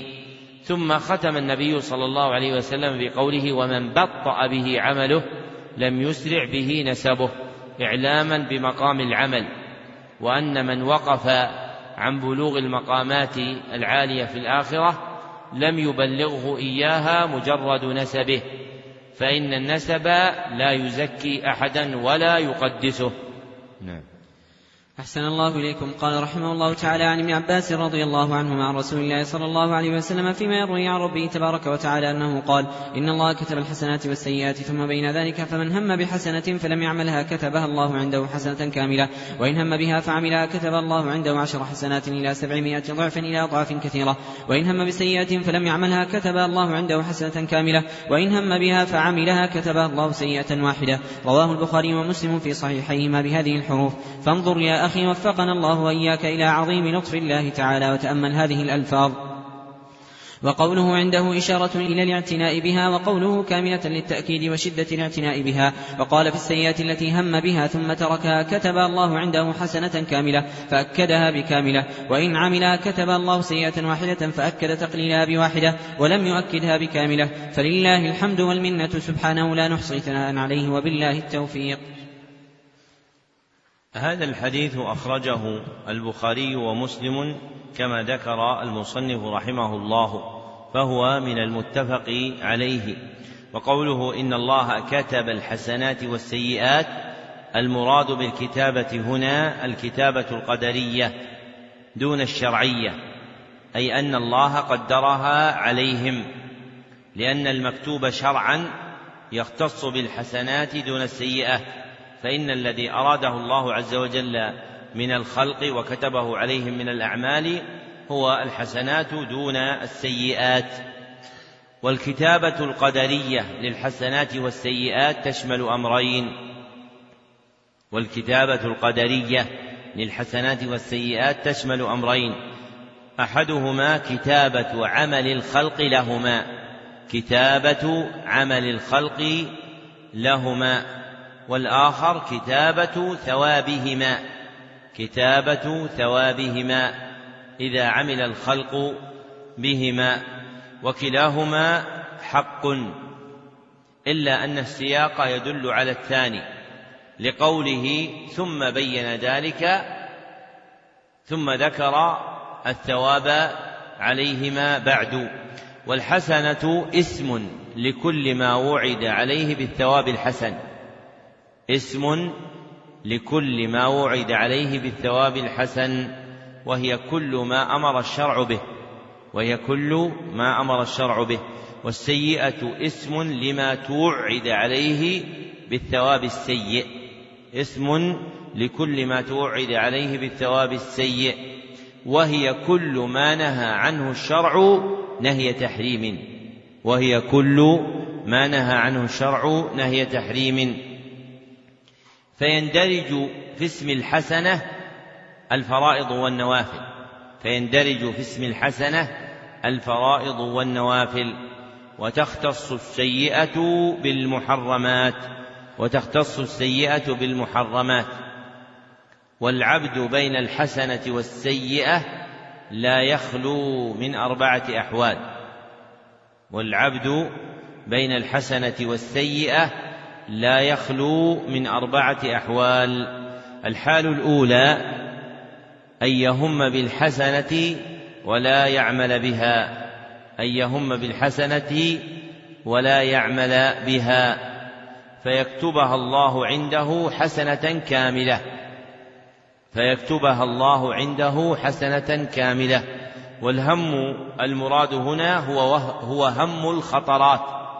والمراد بالهم هنا هم الخطرات لا هم الإصرار الذي هو العزم الجازم لا هم الإصرار الذي هو العزم الجازم. فإذا خطر في القلب فعل الحسنة كتبها الله عز وجل حسنة فضلا منه ومنه. والحال الثانية أن يهم بالحسنة ثم يعمل بها. فتكتب عند الله عشر حسنات إلى سبعمائة ضعف إلى أضعاف كثيرة.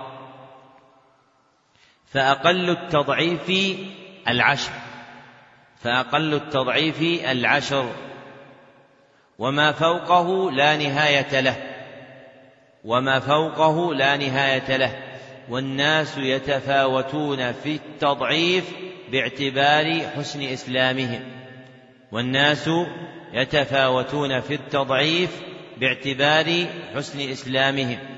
فمن كان إسلامه أكمل حسنا صارت مضاعفة الحسنات له أعظم من غيره من الخلق. والحال الثالثة أن يهم بالسيئة ويعمل بها.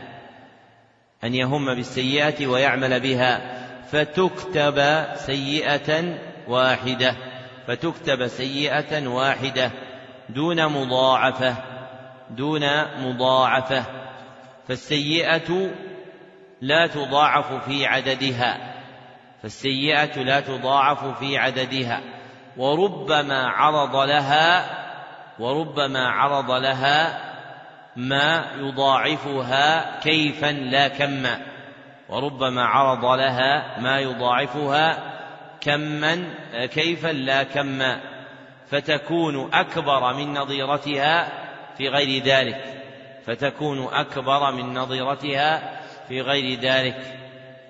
كالنظرة الحرام في البلد الحرام كالنظرة الحرام في البلد الحرام. قال الله تعالى ومن يرد فيه بإلحاد بظلم نذقه من عذاب أليم فتكون أعظم ثقلا من غيرها في غير البلد الحرام.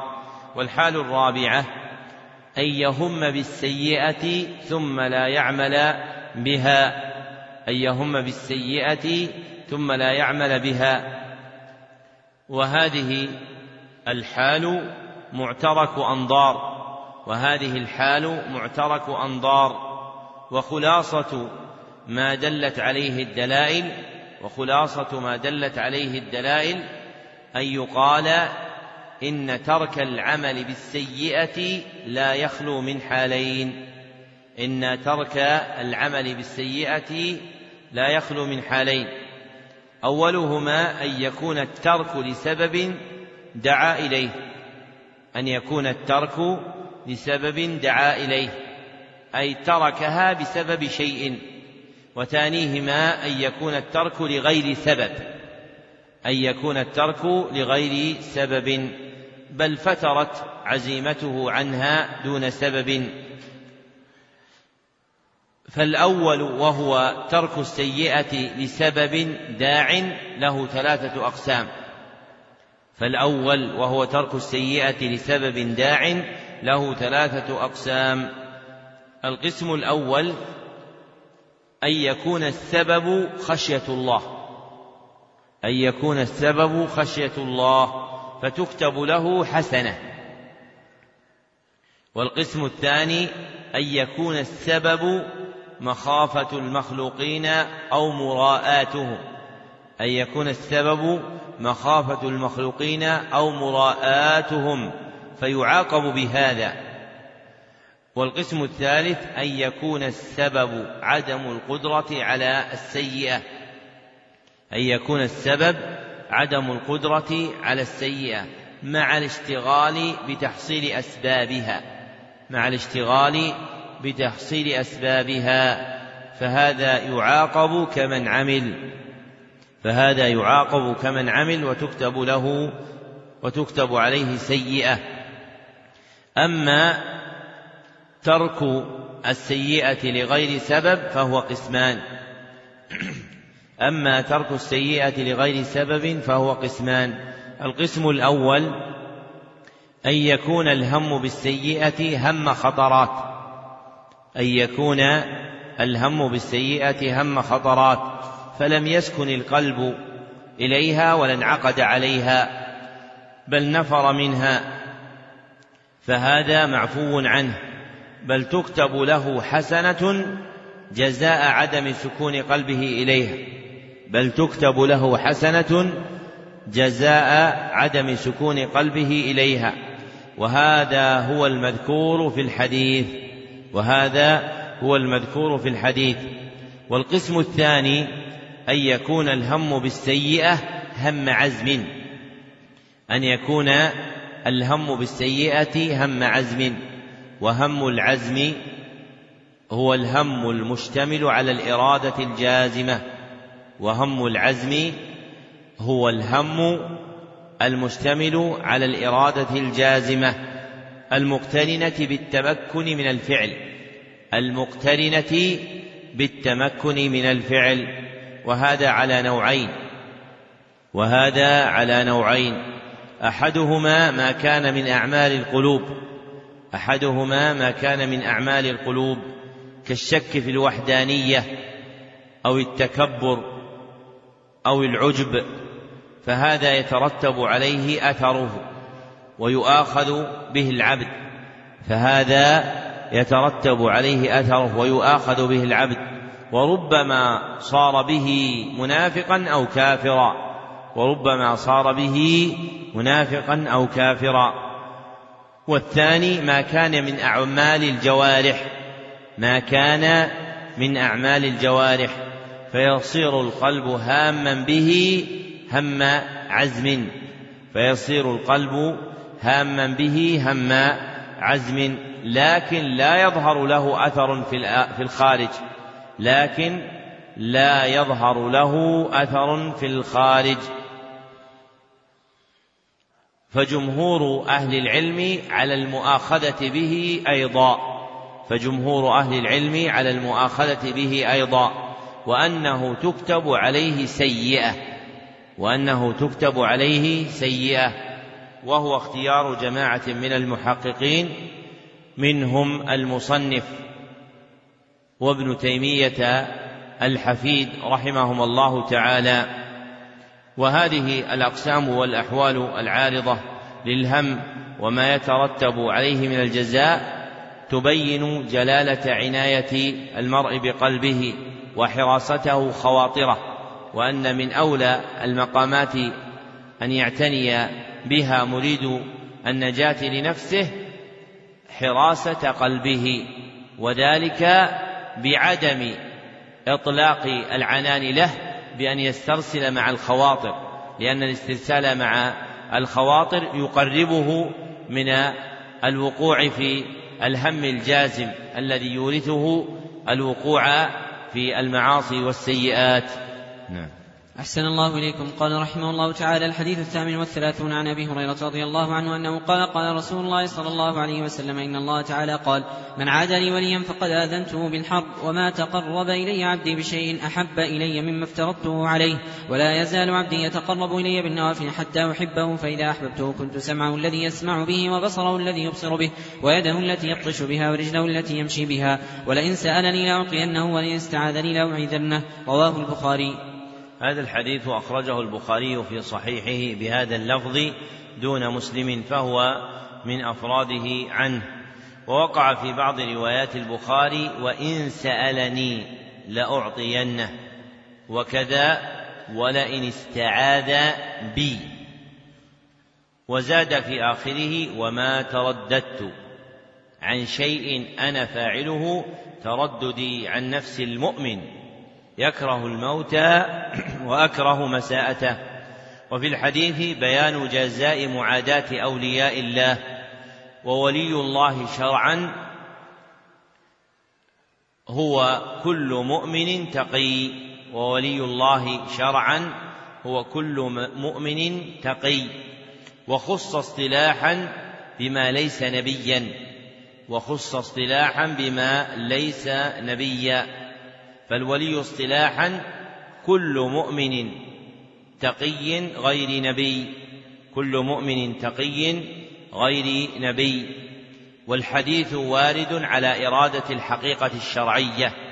والحديث وارد على إرادة الحقيقة الشرعية. ومعاداة الولي تؤذن صاحبها بحرب من الله. ومحل ذلك شيئان.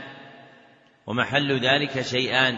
الأول أن يعاديه لأجل دينه أن يعاديه لأجل دينه والآخر أن يعاديه لأجل الدنيا مع ظلمه والجور عليه أن يعاديه لأجل الدنيا مع ظلمه والجور عليه. فمتى وقعت المعاداة في أحد هذين المحلين؟ فإن معادي الولي مؤذن مؤذن بحرب من الله عز وجل. وإن تعلقت بغير ذلك لم تندرج فيه. وإن تعلقت بغير ذلك لم تندرج فيه. كأن يكون حاملها الدنيا دون ظلم ولا جور. كأن يكون حاملها الدنيا دون ظلم ولا جور. كاختصام رجلين صالحين في أحقية أحدهما بأرض كاختصام رجلين صالحين في أحقية أحدهما بأرض ويقيم كل واحد منهما بينات على ما يدعي فإن الخصومة الموجبة للمنافرة بينهما إذا خلت من الجور والظلم لم يكونا داخلين في هذا الحديث وقوله فإذا أحببته فإذا أحببته كنت سمعه الذي يسمع به إلى آخره معناه أوفقه فيما يسمع ويبصر ويبطش ويمشي. أوفقه فيما يسمع ويبصر ويبطش ويمشي. فلا يقع منه شيء متعلق بها فلا يقع منه شيء متعلق بها إلا فيما يحبه الله ويرضاه. نعم. أحسن الله إليكم. قال رحمه الله تعالى الحديث التاسع والثلاثون. عن ابن عباس رضي الله عنهما أن رسول الله صلى الله عليه وسلم قال إن الله تجاوز لي عن أمتي الخطأ والنسيان وما استكره عليه. حديث حسن رواه ابن ماجه والبيهقي وغيرهما. هذا الحديث أخرجه ابن ماجه بلفظ إن الله وضع عن أمتي. أخرجه ابن ماجه بلفظ إن الله وضع عن أمتي. وأخرجه البيهقي أيضا بلفظ قريب. وإسناده ضعيف. والرواية في هذا الباب فيها لين. وفي هذا الحديث بيان فضل الله على هذه الأمة. وفي هذا الحديث بيان فضل الله على هذه الأمة بوضع المؤاخذة في ثلاثة أحوال. بوضع المؤاخذة في ثلاث أحوال. الأولى حال الخطأ. والمراد به وقوع الشيء على وجه لم يقصده فاعله. وقوع الشيء على وجه لم يقصده فاعله. والحال الثانية حال النسيان. وهو ذهول القلب عن معلوم متقرر فيه. وهو ذهول القلب عن معلوم متقرر فيه. وثالثها حال الإكراه. وهو إرغام العبد على ما لا يريد من قول أو فعل أو اعتقاد وهو إرغام العبد على ما لا يريد من قول أو فعل أو اعتقاد. إيش رأيكم؟ تأكدين أجل امسحوا اعتقاد. لأن ذكرنا في درس كشف الشبهات أن الإكراه يختص بماذا؟ بالقول والعمل فقط فالإكراه هو إرغام العبد على ما لا يريد من قول أو عمل. ومعنى الوضع نفي وقوع الإثم مع وجودها. ومعنى الوضع نفي وقوع الإثم مع وجودها. فلا إثم على مخطئ ولا ناس ولا مكره بل ذلك مما رفعه الله عز وجل عنا رحمة بنا. نعم. أحسن الله إليكم. قال رحمه الله تعالى الحديث الأربع عن ابن عمر رضي الله عنهما أنه قال أخذ رسول الله صلى الله عليه وسلم بمنكبي فقال كن في الدنيا كأنك غريب أو عابر سبيل وكان ابن عمر رضي الله عنهما يقول إذا أمسيت فلا تنتظر الصباح وإذا أصبحت فلا تنتظر المساء وخذ من صحتك لمرضك ومن حياتك لموتك رواه البخاري. هذا الحديث رواه البخاري كما ذكر المصنف منفردا به عن مسلم. وفيه إرشاد النبي صلى الله عليه وسلم إلى الحال التي يكون بها صلاح العبد في الدنيا. فصلاح العبد في الدنيا هو فصلاح العبد في الدنيا بأن ينزل نفسه إحدى منزلتين. فصلاح العبد في الدنيا أن ينزل نفسه إحدى منزلتين. المنزلة الأولى منزلة الغريب. المنزلة الأولى منزلة الغريب وهو المقيم بغير بلده. وهو المقيم بغير بلده. فقلبه متعلق بالرجوع إلى بلده. فقلبه متعلق بالرجوع إلى بلده. واشتغاله حينئذ بأمر دنياه قليل. واشتغاله حينئذ بأمر دنياه قليل لأنه يريد النزوع عن هذا البلد والرجوع إلى أهله وبلده. لأنه يريد النزوع عن هذا البلد والرجوع إلى أهله وبلده. والمنزلة الثانية منزلة عابر السبيل منزلة عابر السبيل وهو المسافر الذي يمر ببلد فيخرج منه وهو المسافر الذي يمر ببلد فيخرج منه فتعلقه أشد ضعفا من الأول فتعلقه بالبلد أشد ضعفا من الأول لأن مكثه فيها أقل لأن مكثه فيه أقل فلا رغبة له في الإقامة. فمن أراد أن يصلح نفسه في هذه الدنيا أنزلها إحدى المنزلتين. والمنزلة الثانية أكمل من الأولى لقل لقلة تعلق القلب في الدنيا بها لقلة تعلق القلب في الدنيا بها. فمن جعل نفسه في هذه الدنيا بمنزلة ابن السبيل العابر لم يتعلق من الدنيا بشيء. نعم. أحسن الله إليكم. قال رحمه الله تعالى الحديث الحادي والأربعون عن أبي محمد عبد الله بن عمرو بن العاص رضي الله عنهما أنه قال قال رسول الله صلى الله عليه وسلم لا يؤمن أحدكم حتى يكون هواه تبعا لما جئت به. حديث حسن صحيح رويناه في كتاب الحجة بإسناد صحيح. هذا الحديث عزاه المصنف إلى كتاب الحجة واسمه الحجة على تارك المحجة لأبي الفتح نصر بن إبراهيم المقدسي ولم يظفر بهذا الكتاب بعد لكن له مختصر مجرد من الأسانيد قد طبع والحديث عند من هو أشهر منه فرواه ابن أبي عاصم في السنة وأبو نعيم الأصبهاني في حلية الأولياء وإسناده ضعيف وتصحيحه بعيد جدا من وجوه عدة.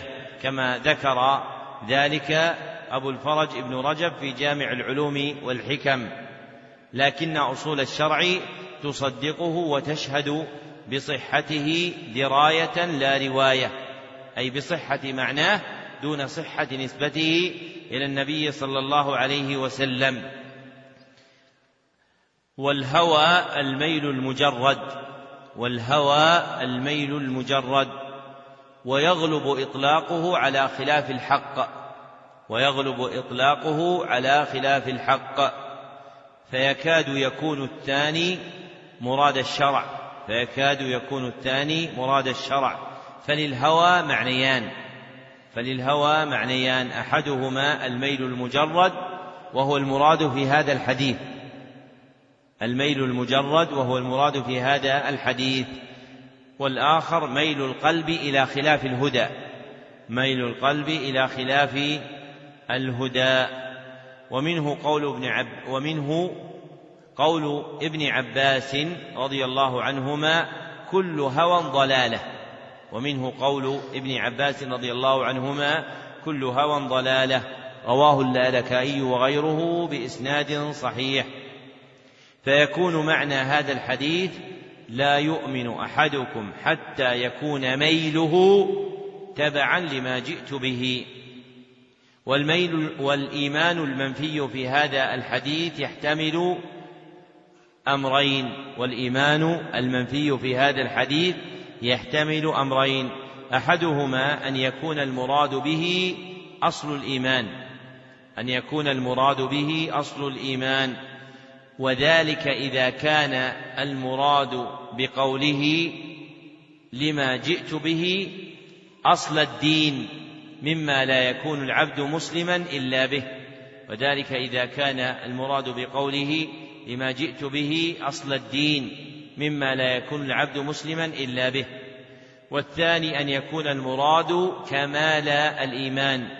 أن يكون المراد كمال الإيمان.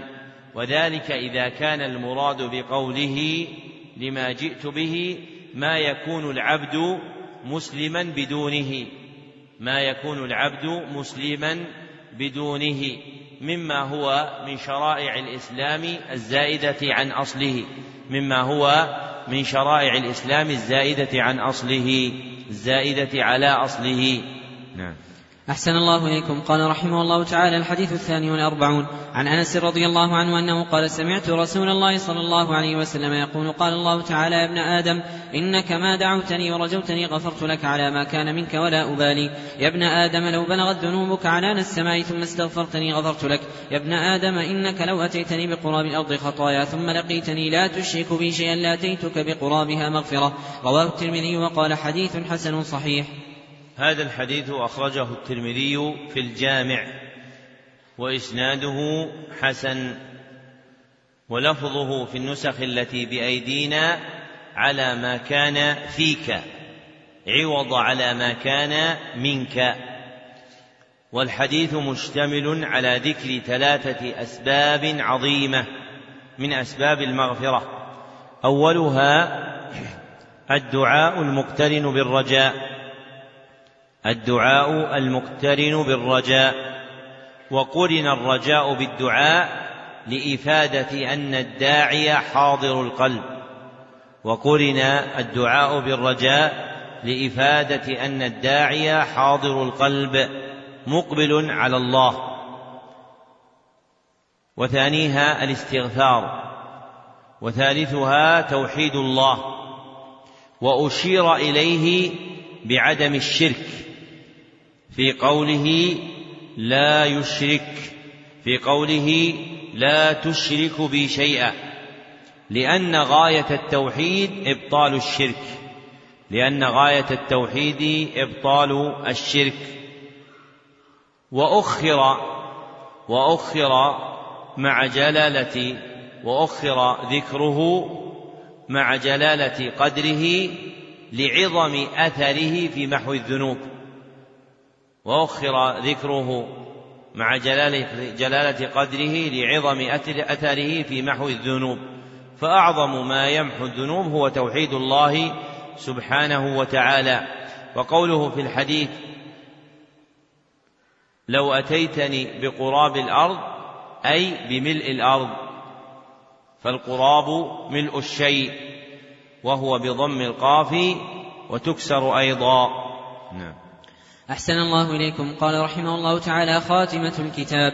فهذا آخر ما قصدته من بيان الأحاديث التي جمعت قواعد الإسلام وتضمنت ما لا يحصى من أنواع العلوم في الأصول والفروع والآداب وسائر وجوه الأحكام. وها أذكر بابا مختصرا جدا في ضبط خفي ألفاظها مرتبة لئلا يغلط في شيء منها وليستغني بها حافظها عن مراجعة غيره في ضبطها. ثم أشرع في شرحها إن شاء الله تعالى في كتاب مستقل وأرجو من فضل الله تعالى أن يوفقني فيه لبيان مهمات من اللطائف. وجمل من الفوائد والمعارف. لا يستغني مسلم عن معرفة مثلها ويظهر لمطالعها جزالة هذه الأحاديث وعظم فضلها وما اشتملت عليه من النفائس التي ذكرتها والمهمات التي وصفتها ويعلم بها الحكمة في اختيار هذه الأحاديث الأربعين وأنها حقيقة بذلك عند الناظرين وإنما أفردتها عن هذا الجزء ليسهل حفظ الجزء بانفراده ثم من أراد ضم الشرح إليه فليفعل ولله عليه المنة بذلك إذ يقف على نفائس اللطائف المستنبطة من كلام من قال الله في حقه وما ينطق عن الهوى إن هو إلا وحي يوحى. ولله الحمد أولا وآخرا وباطنا وظاهرا. لما فرغ المصنف رحمه الله من سرد الأحاديث الجامعة قواعد الإسلام أتبعها بباب في ضبط خفي ألفاظها والحامل لإتباعه الباب المذكور أمران. والحامل لإتباعه الباب المذكور أمران. أحدهما منع الغلط في قراءتها. أحدهما منع الغلط في قراءتها كما قال لئلا يغلط في شيء منها. والآخر إغناء حافظ تلك الضبوط عن غيرها. إغناء حافظ تلك الضبوط عن غيره في تحقيق ألفاظها في تحقيق ألفاظها كما قال وليستغني بها حافظها عن مراجعة غيره في ضبطها. ثم وعد المصنف أن يشرح تلك الأحاديث التي انتخبها في كتاب مستقل وتوفي رحمه الله تعالى قبل أن يفي بهذا. ذكره تلميذه ابن العطار في مقدمة شرحه على الأربعين النووية. فاخترمته المنية ولم يكتب شرحا على هذا الكتاب. وأما الشرح المروج بين الناس مثبتا عليه شرح الأربعين النووية للحافظ النووي معزوا إليه فهذا لا تصح نسبته إلى النووي. وفيه ذكر نقول عن أناس لم يولدوا ولا خلقهم الله عز وجل إلا بعد النووي. نعم. أحسن الله إليكم. قال رحمه الله تعالى باب الإشارات إلى ضبط الألفاظ المشكلات. هذا الباب وإن ترجمته بالمشكلات وقد أنبه فيه على ألفاظ من الواضحات. في الخطبة نظر الله امرأ روي بتشديد الضاد وتخفيفها والتشديد أكثر ومعناه حسنه وجمله. الحديث الأول أمير المؤمنين عمر بن الخطاب رضي الله عنه هو أول من سمي أمير المؤمنين. قوله صلى الله عليه وسلم إنما الأعمال بالنيات المراد لا تحسب الأعمال الشرعية إلا بالنية. قوله صلى الله عليه وسلم فهجرته إلى الله ورسوله معناه مقبولة. الحديث الثاني لا قوله رحمه الله معناه مقبولة المعهود في الخطاب الشرعي متقبلة لأن التقبل مرتبة فوق القبول فالقبول يدل على صحة العمل وبراءة الذمة فالقبول يدل على صحة العمل وبراءة الذمة أما التقبل فإنه يشتمل أيضا على محبة العامل أما التقبل فإنه يشتمل أيضا على محبة العامل ورضى الله عنه ورضى الله عنه. ولهذا وقع دعاء الأنبياء بقولهم إيش؟ ربنا تقبل منا. ولم يقولوا ربنا اقبل منا. نعم. أحسن الله إليكم. قال معنى هذا ليس معنى هذا أن ربنا اقبل منا ما يجوز لكن معنى الأكمل إيش؟ تقبل منا. نعم. أحسن الله إليكم. قال رحمه الله تعالى الحديث الثاني لا يرى عليه أثر السفر هو بضم الياء من يرى. قوله تؤمن بالقدر خيره وشره معناه تعتقد أن الله قدر الخير والشر قبل خلق الخلق وأن جميع الكائنات بقضاء الله تعالى وقدره وهو مريد لها. هذا الذي ذكره المصنف هو بعض الإيمان بالقدر والمختار أن الإيمان بالقدر يرجع إلى حقيقته الشرعية فالقدر شرعا كما تقدم هو علم الله بالوقائع وكتابته لها. هو علم الله بالوقائع وكتابته لها وخلقه ومشيئته إياها. والوقائع المراد بها الحوادث الكونية. نعم. أحسن الله إليكم. قال رحمه الله تعالى قوله فأخبرني عن أمارتها هو بفتح الهمزة أي علامتها. ويقال أمار بلا هاء لغتان لكن الرواية بالهاء قوله تلد الأمة ربتها أي سيدتها ومعناه أن تكثر السراري حتى تلد الأمة السرية بنتا لسيدها. وبنت السيد في معنى السيد وقيل يكثر بيع السراري حتى تشتري المرأة أمها وتستعبدها جاهلة بأنها أمها. وقيل غير ذلك وقد أوضحته في شرح صحيح مسلم بدلائله وجميع طرقه. قوله العالتين الفقراء ومعناه أن سافل الناس يصيرون أهل ثروة ظاهرة. قوله لبثت منيا هو بتشديد الياء أي زمانا كثيرا وكان ذلك ثلاثا. هكذا جاء مبينا في رواية أبي داود والترمذي وغيرهما. قوله هكذا جاء مبينا في رواية أبي داود والترمذي وهو أيضا عند النسائي وابن ماجه فكان حقيقا بالمصنف أن يستوفي عزوه إلى السنن. فيقول هكذا جاء مبينا في رواية أصحاب السنن وتقدم أن روايتهم على الإطلاق ثلاثا وهي تحتمل إيش؟ ثلاثة أيام أو ثلاثة ليال. نعم. أحسن الله إليكم. قال رحمه الله تعالى الحديث الخامس قوله من أحدث في أمرنا هذا ما ليس منه فهو رد أي مردود كالخلق بمعنى المخلوق. الحديث السادس قوله فقد استمرى لدينه وعرضه أي صان دينه وحمى عرضه من وقوع الناس فيه قوله يوشك هو بضم الياء وكسر الشين أن يسرع ويقرب. قوله حمى الله محارمه معناه الذي حماه الله تعالى ومنع دخوله والأشياء التي حرمها. الحديث السابع قوله عن أبي رقية وبضم الراء وفتح القاف وتشديد الياء. قوله الداري منسوب إلى جد له اسمه الدار. وقيل إلى موضع يقال له دارين. ويقال فيه أيضا الديري نسبة إلى دير كان يتعبد فيه. وقد بسطت القول في إيضاحه في أوائل شرح صحيح مسلم. قوله رحمه الله وقيل إلى موضع يقال له دارين هذا غلط محض. كما قال أبو المظفر الأديب نقله عنه ابن طاهر في الأنساب المتفقة فلا تصح نسبته إلى ذلك الموضع. وقوله ويقال فيه أيضا الدير نسبة إلى دير كان يتعبد فيه يعني قبل الإسلام يعني قبل الإسلام. أما بعده فليس ذلك من الدين. فكان جديرا بالمصنف أن يقيده وقد صرح بتقييده في شرح مسلم وفي تهذيب الأسماء واللغات فذكر أنه كان يتعبد فيه قبل الإسلام لأن التدير والتخلي في الصوامع ليس من الإسلام في شيء. نعم. أحسن الله إليكم. قال رحمه الله تعالى الحديث التاسع قوله واختلافهم هو بضم الفاء لا بكسرها. الحديث العاشر قوله غذي بالحرام هو بضم الغين وكسر الدال المعجمة المخففة. وذكر الجرداني في شرح الأربعين نقلا عن المصابيح أنه جاء بالتشديد أيضا فيقال وغذي وغذي والتخفيف أولى وأعلى وهو المشهور رواية. نعم. أحسن الله إليكم. قال رحمه الله تعالى الحديث الحادي عشر قوله دع ما يريبك إلى ما لا يريبك بفتح الياء وضمها لغتان والفتح أفصح وأشهر ومعناه اترك ما شككت فيه واعدل إلى ما لا تشك فيه. ما ذكره رحمه الله من تفسير الريب بالشك فيه نظر. والصحيح أن الريب إيش؟ هو قلق النفس واضطرابها. ذكره جماعة من المحققين منهم ابن تيمية وابن القيم وابن رجب رحمهم الله. والشك فرد من أفراده فالريب شك وزيادة. نعم. أحسن الله إليكم. قال رحمه الله تعالى الحديث الثاني عشر قوله يعنيه بفتح أوله. الحديث الرابع عشر قوله الثيب الزاني معناه المحصن إذا زنى وللإحصان شروط معروفة في كتب الفقه. الحديث الخامس عشر قوله أو ليصمت بضم الميم.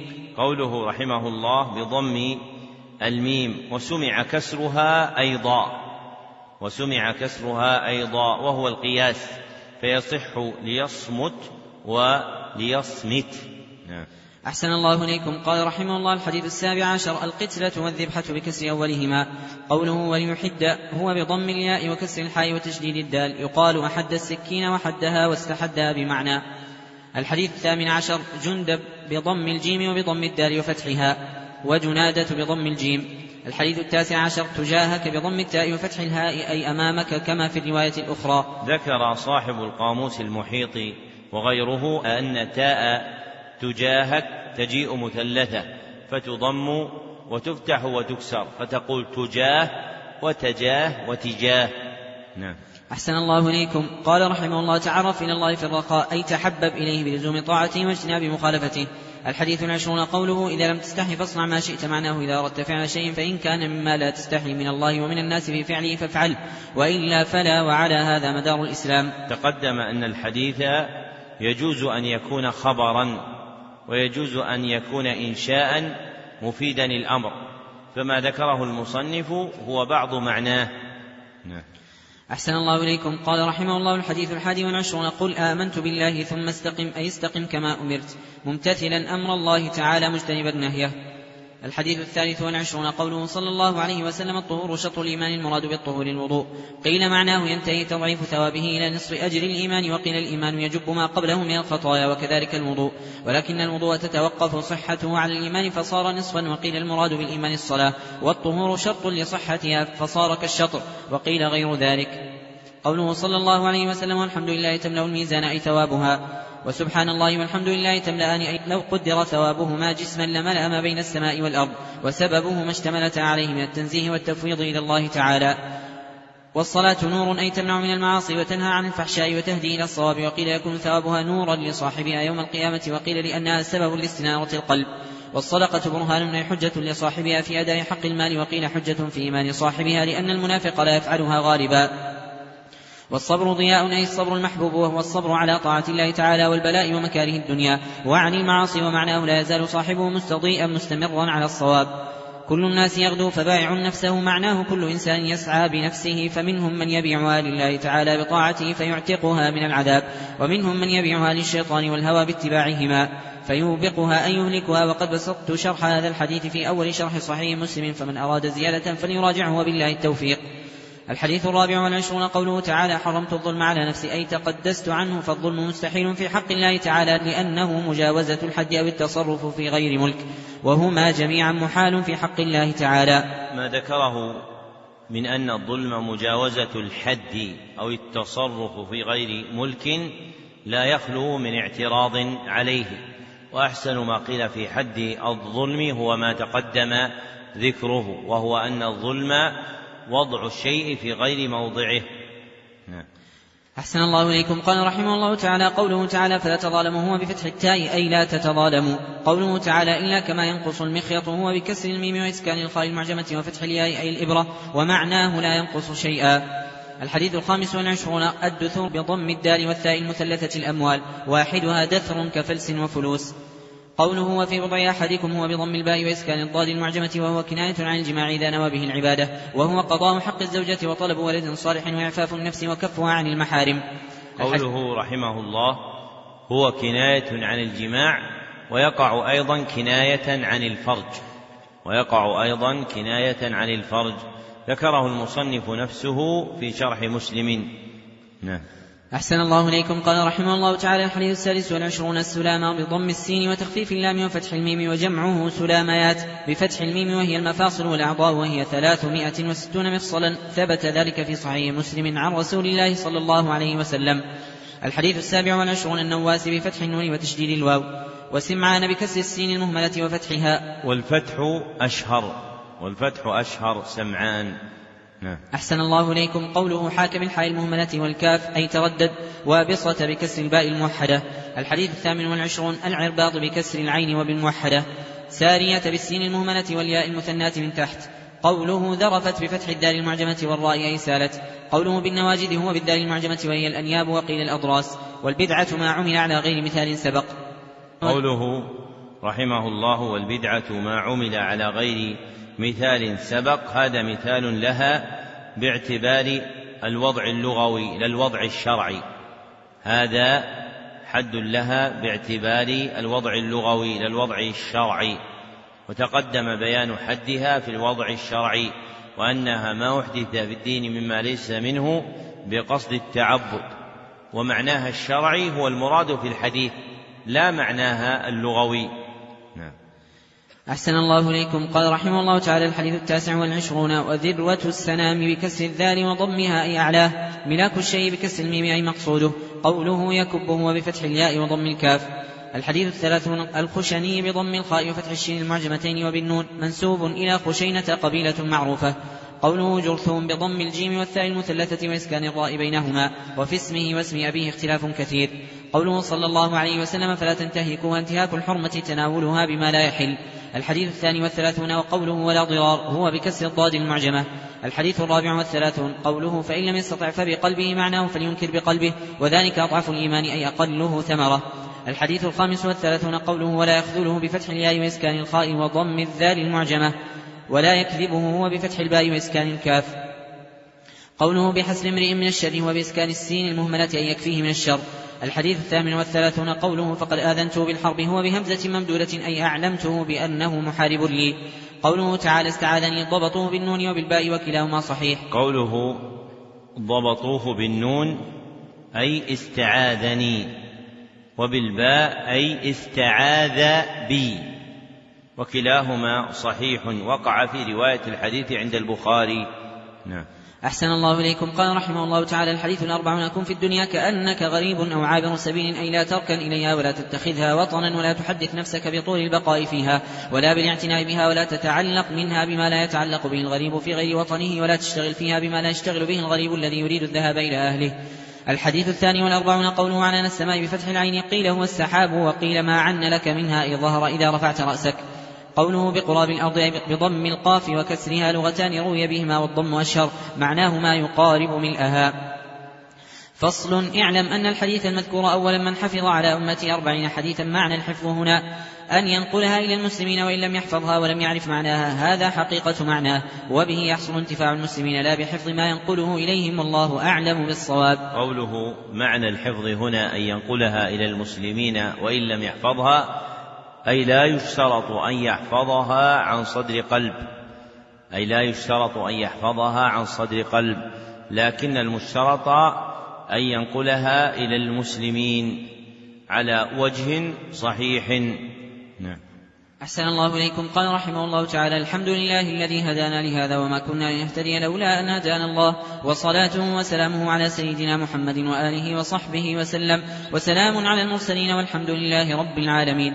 قال مؤلفه فرغت منه ليلة الخميس التاسع والعشرين من جماد الأولى سنة ثمان وستين وستمائة. وبهذا نكون قد فرغنا. بحمد الله من بيان معانيه على ما يناسب المقام.